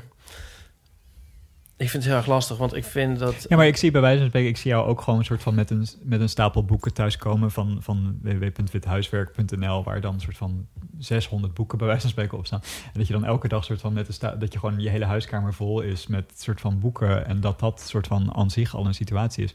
Ehm, de, de- bedoel, er zijn zoveel manieren waarop je op jouw manier daar een, een, een invulling aan kan geven. Ja, misschien. Ja, ik, ik- het voelt dus deels als een soort... Ja, ik vind dat is allemaal eigenlijk moeilijk. Ja, ik denk dat het een, iets is waar misschien luisteraars zich in herkennen.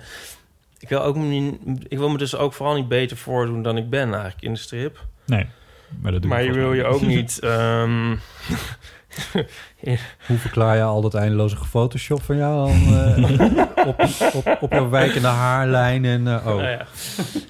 I don't know, nu moet ik wel, nu we het hier zo over hebben gehad. Ja. Ik weet niet, misschien ga ik... Ik zeg dit echt even voor de record. Ik, ik denk... dat- Ik weet niet wat ik denk. Ha- Neem mij niet kwalijk als ik er geen strip over maak, want ik vind het echt heel moeilijk. Ehm, ik blijf erover nadenken. Als ik iets Ja. weet, dan doe ik het. En als ik het niet weet... Wat ik ook hoor is dat, Niet. dat je het wel heel graag wil om op een of andere manier daar een strip over te maken. Ja, maar ik vind het heel lastig. Ik vind het een... Ja, ik vind het. Ja. Ja. Ja, maar en ik denk van, volgens mij maak je het veel te moeilijk. Want volgens mij moet je het gewoon over het ongemak hebben. Want dat is natuurlijk wat Ja. bijna elk wit persoon nu voelt. Ja, Ja. Ik en dat is waar me- jij ook gewoon iets over kan zeggen. Ja. Ik voelde me gisteren ook heel ongemakkelijk bij op het eh, Nelson ja. Mandelaplein. Ja. Is dat zo? Ja, Eh, omdat... Nou, ik ging achteraan staan, dus dat hielp al. Ja. Ik ben niet zo'n demonstrant. Ik, eh, ik ben er weinig Je hebt andere middelen om je- Ja, ja. weet je wel. Maar ik vond het wel belangrijk om hier in ieder geval even bij te zijn. Ja. Ehm, maar ehm, ja, als er dan een, een vuist omhoog wordt gedaan door het hele publiek...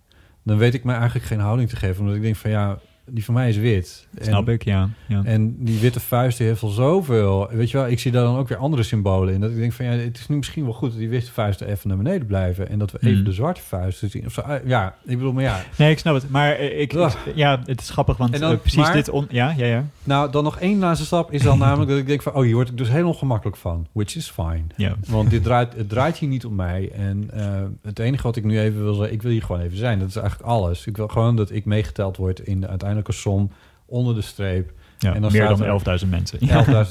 11.500 stond op nos.nl gisteren. eh, en toen dacht ik, nou, dat was het, daar was ik dan in ieder geval één van. Eén van, ja. Eh, maar het draait natuurlijk niet om mij. En dat ongemak, dat daar... Ehm Pauline heeft die fantastische serie gemaakt, eh, Tokidoki. Ja. Die nu is afgelopen weer. Die is, kijk er allemaal nog even naar op, op npostart.nl. waarin zij eh Japanners laat zien die soms ook heel ongemakkelijk zijn met situaties en met elkaar. En Pauline is daar op haar beurt weer dan weer wat ongemakkelijk mee. Ja, en Maar als je daar lang genoeg ja. naar kijkt en goed naar kijkt, dan zie je dat het niet een probleem is, Nee, dat ongemak. nee, het hoeft geen probleem te zijn. In Nee. geval, nee.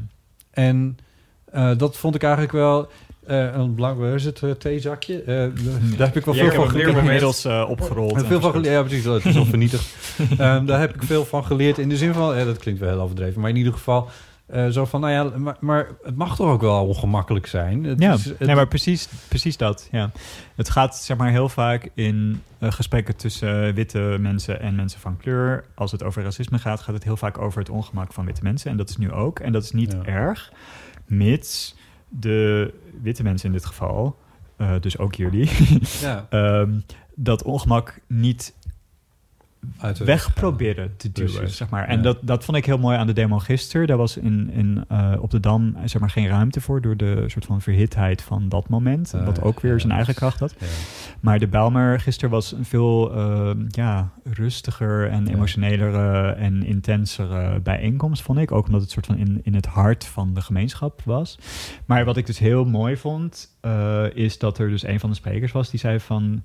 eh, shout out to all the white people who are here. En ik dacht van ja, daar ben ik het oprecht gewoon 110% mee eens. Omdat, eh, en die spreker ging ook nog door en die zei van ja, het maakt niet uit of je al eh 50 jaar voor deze cause bent, of vijf jaar, of nu sinds de afgelopen vijf uur.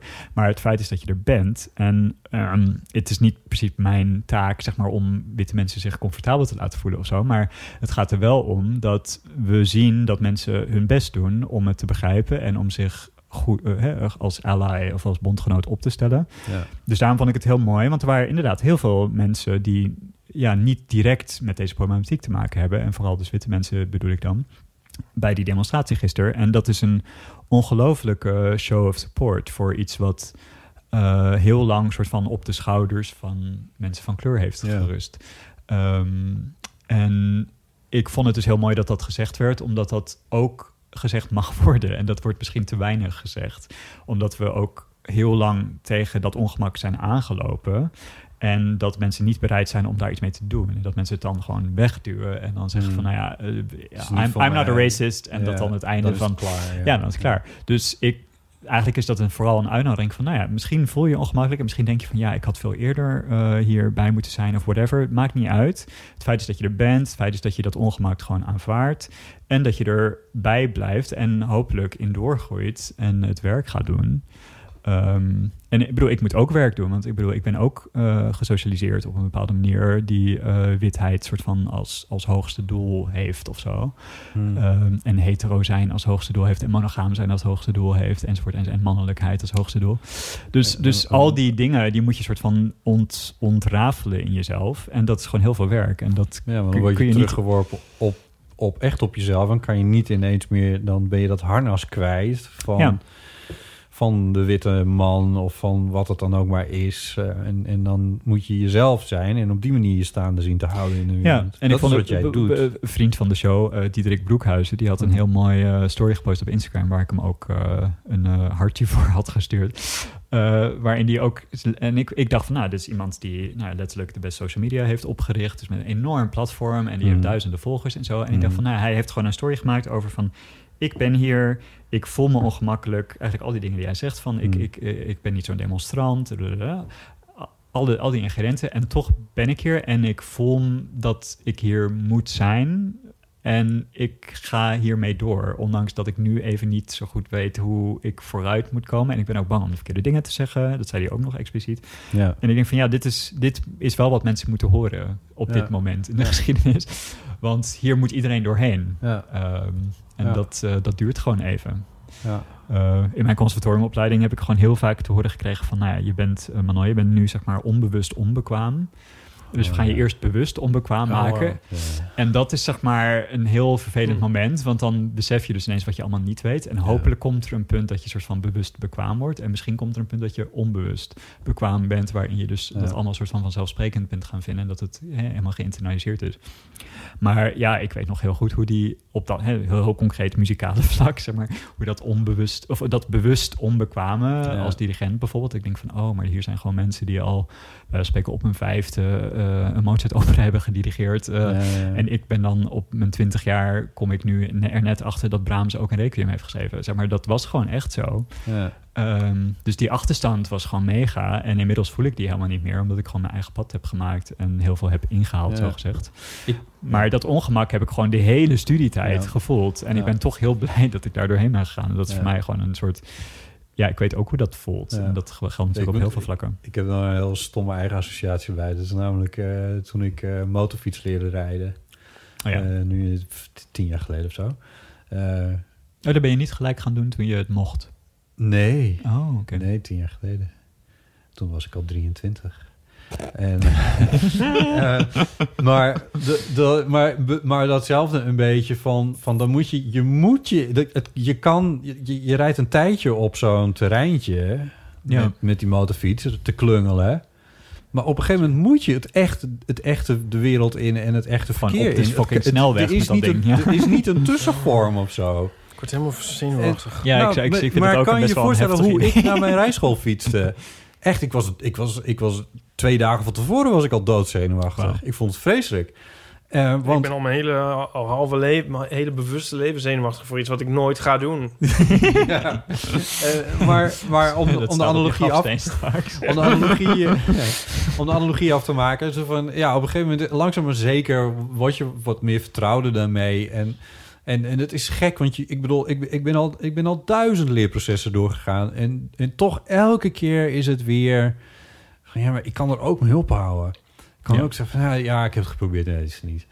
En met, met dit is het eigenlijk weer, met, met Black Lives Matter, is het, is het eigenlijk een beetje hetzelfde. Van, van, van je, je eigen witte privileges ontdekken. En daar. En, en het, is, het is steeds ongemakkelijk. Het is, Ja, het is echt niet leuk om te doen. Om daarover te lezen of over te horen of wat dan ook maar. Maar ik merk wel dat er. Hier zijn wel een paar. Dus zeg maar zoals bij het motorrijden, dan heb je het, speel, heb je het speelterreintje en dan heb je de echte weg. Maar hier zijn wel wat tussenvormen volgens mij eh, eh, voor.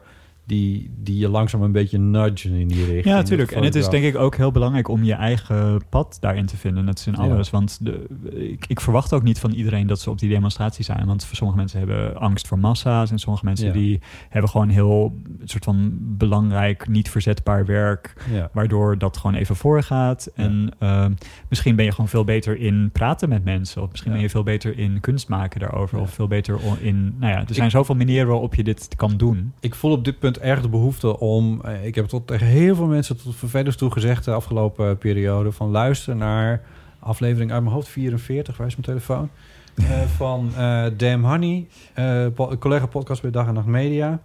Die, eh, ja, aflevering 44 over Black Lives Matters... Ja, met Savannah Simons. en, eh, en racisme in Nederland met Sylvana Simons. Ja, dus En- die is opge- opgenomen vorige week na de demonstratie in Amsterdam op de Dam. Ja, ja. en eh Sylvana Simons die eh, legt daar voor de zoveelste keer, maar zonder dat ze het zelf vervelend vindt, Ja. eh, legt ze het daar, eh, legt ze het verhaal daar uit van hoe dat dan is om een eh, zwarte vrouw in Nederland te zijn, om Ja. als zwarte vrouw in Nederland op te groeien, wat je dan naar je hoofd krijgt en wat ze verhalen die ze van, van collega zwarte mensen hoort.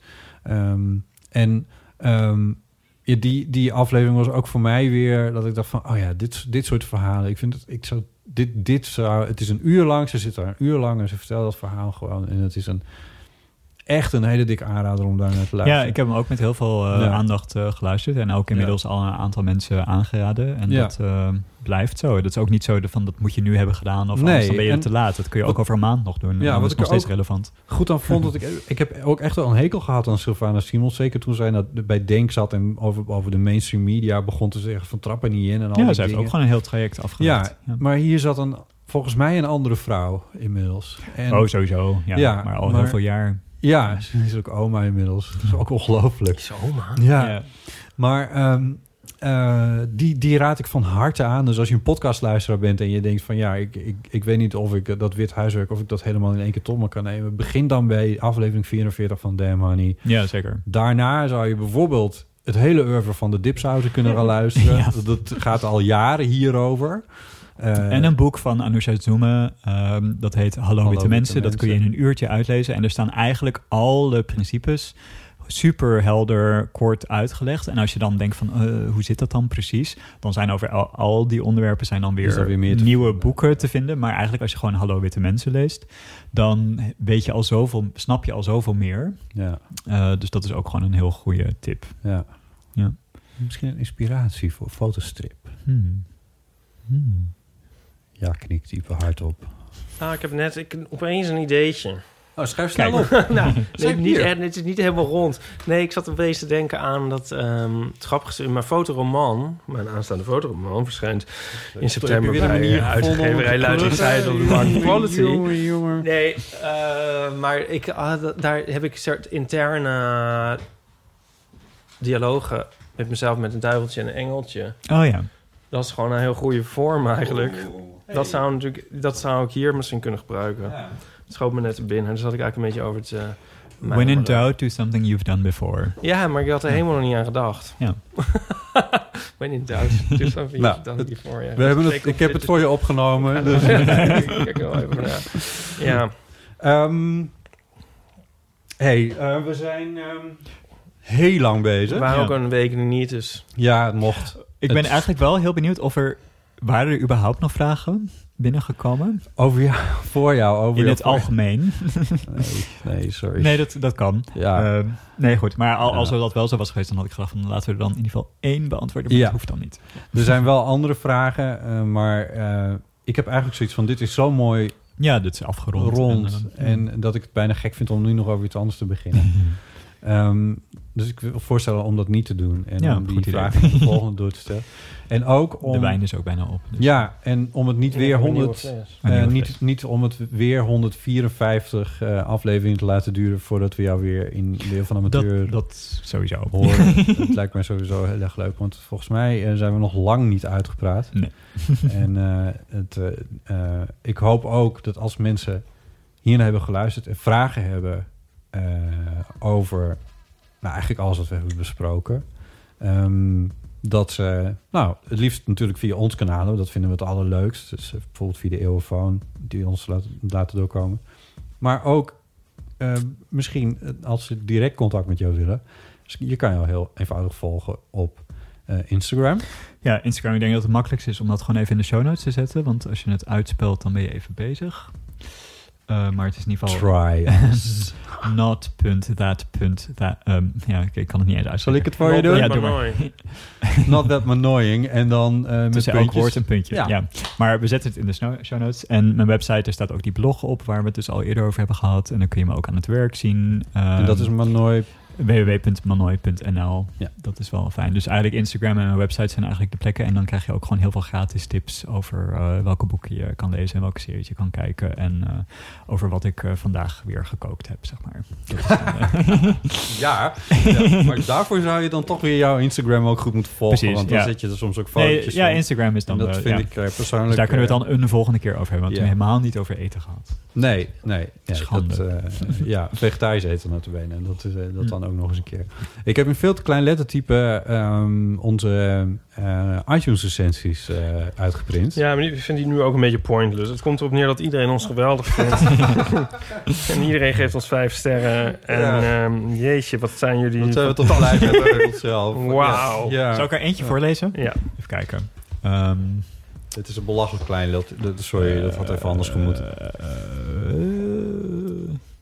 oh, deze vind ik heel schattig. Voelde vertrouwd al naar, e- al naar één aflevering. Geweldig dat Botte en Ipe elkaar hebben ontmoet. Doe Paulien in de mix en af en toe een leuke gast. Dat ben ik dus in dit Ja, geval. dit En ik ben zoet voor de rest van de dag. In ieder geval. Oh nee, lig regelmatig dubbel. Sorry. Lig regelmatig dubbel, maar wordt ook vaak aangezet tot net anders nadenken over het leven, de maatschappij. Ach, alles eigenlijk. Nou, kijk, Nou, dat is toch echt de samenvatting dat is wel van mooi. deze aflevering. Als we dat met deze aflevering voor elkaar zouden kunnen krijgen, dan is het natuurlijk helemaal te gek. Alright, goed. Eh, dilemma's, levenskwesties eh, en verhalen zijn Zoals altijd, welkom op de Eeuwenfoon, waarvan het telefoonnummer is 06 1990. Wauw. Ehm 68. 71. Heel goed. En uiteraard zijn reacties eh, op het verhaal van Manoy ook welkom. En eh, lijntjes zijn kort, dus eh, als we iets specifieks binnenkrijgen... Dan, eh, dan kloppen we natuurlijk even bij je aan, Manoy, met... eh, Ja, mijn secretaris is Met- beschikbaar. Met wel, Ja. je agent. Ja. Je, je Britse agent. Ja. Dit is trouwens niet eens een grap. Hij heeft een Britse agent, mensen. Volg die man. Ehm, mailen kan naar botten.eeuwvanamateur.nl of als je wil, ip.eeuwvanamateur.nl. Als je wil. We zijn ook te volgen op Instagram, eeuwvanamateur.nl. Nee, gewoon eeuwvanamateur. Eeuwvanamateur.nl is onze website. Vond je deze aflevering leuk, dan kun je bijvoorbeeld ook delen met vrienden, familie of collega's. En je kan vriend van de show worden. .nl slash eeuw. Vriend van de show.nl slash eeuw is de URL. Geef ons je geld. En dat vinden we heel Nog meer leuk. rosé. En daarmee kunnen we de podcast alleen maar weer beter maken. En eh, weer nieuwe interessante gasten uitnodigen. Manoy, hartelijk dank voor het langskomen. En je Ja, ik vond het heel leuk. Ook namens mij. Ja, Je openhartigheid. Ja. Ja. echt heel tof. ja was heel mooi. Ja. Bijzonder. Eh Ipe, dankjewel. Je was Graag iets gedaan. minder open dan de vorige keer, maar ja. Is dat zo? Ondanks de koffie en de rosé heb je... Ja. Oké. Bedankt voor het luisteren. Doei. Doei.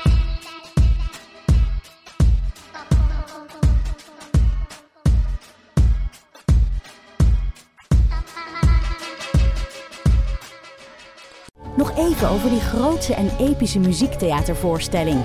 Het achtste leven voor Brilka is een marathonvoorstelling van 5 uur. Koop je tickets voor deze bijzondere theateravond via oostpol.nl.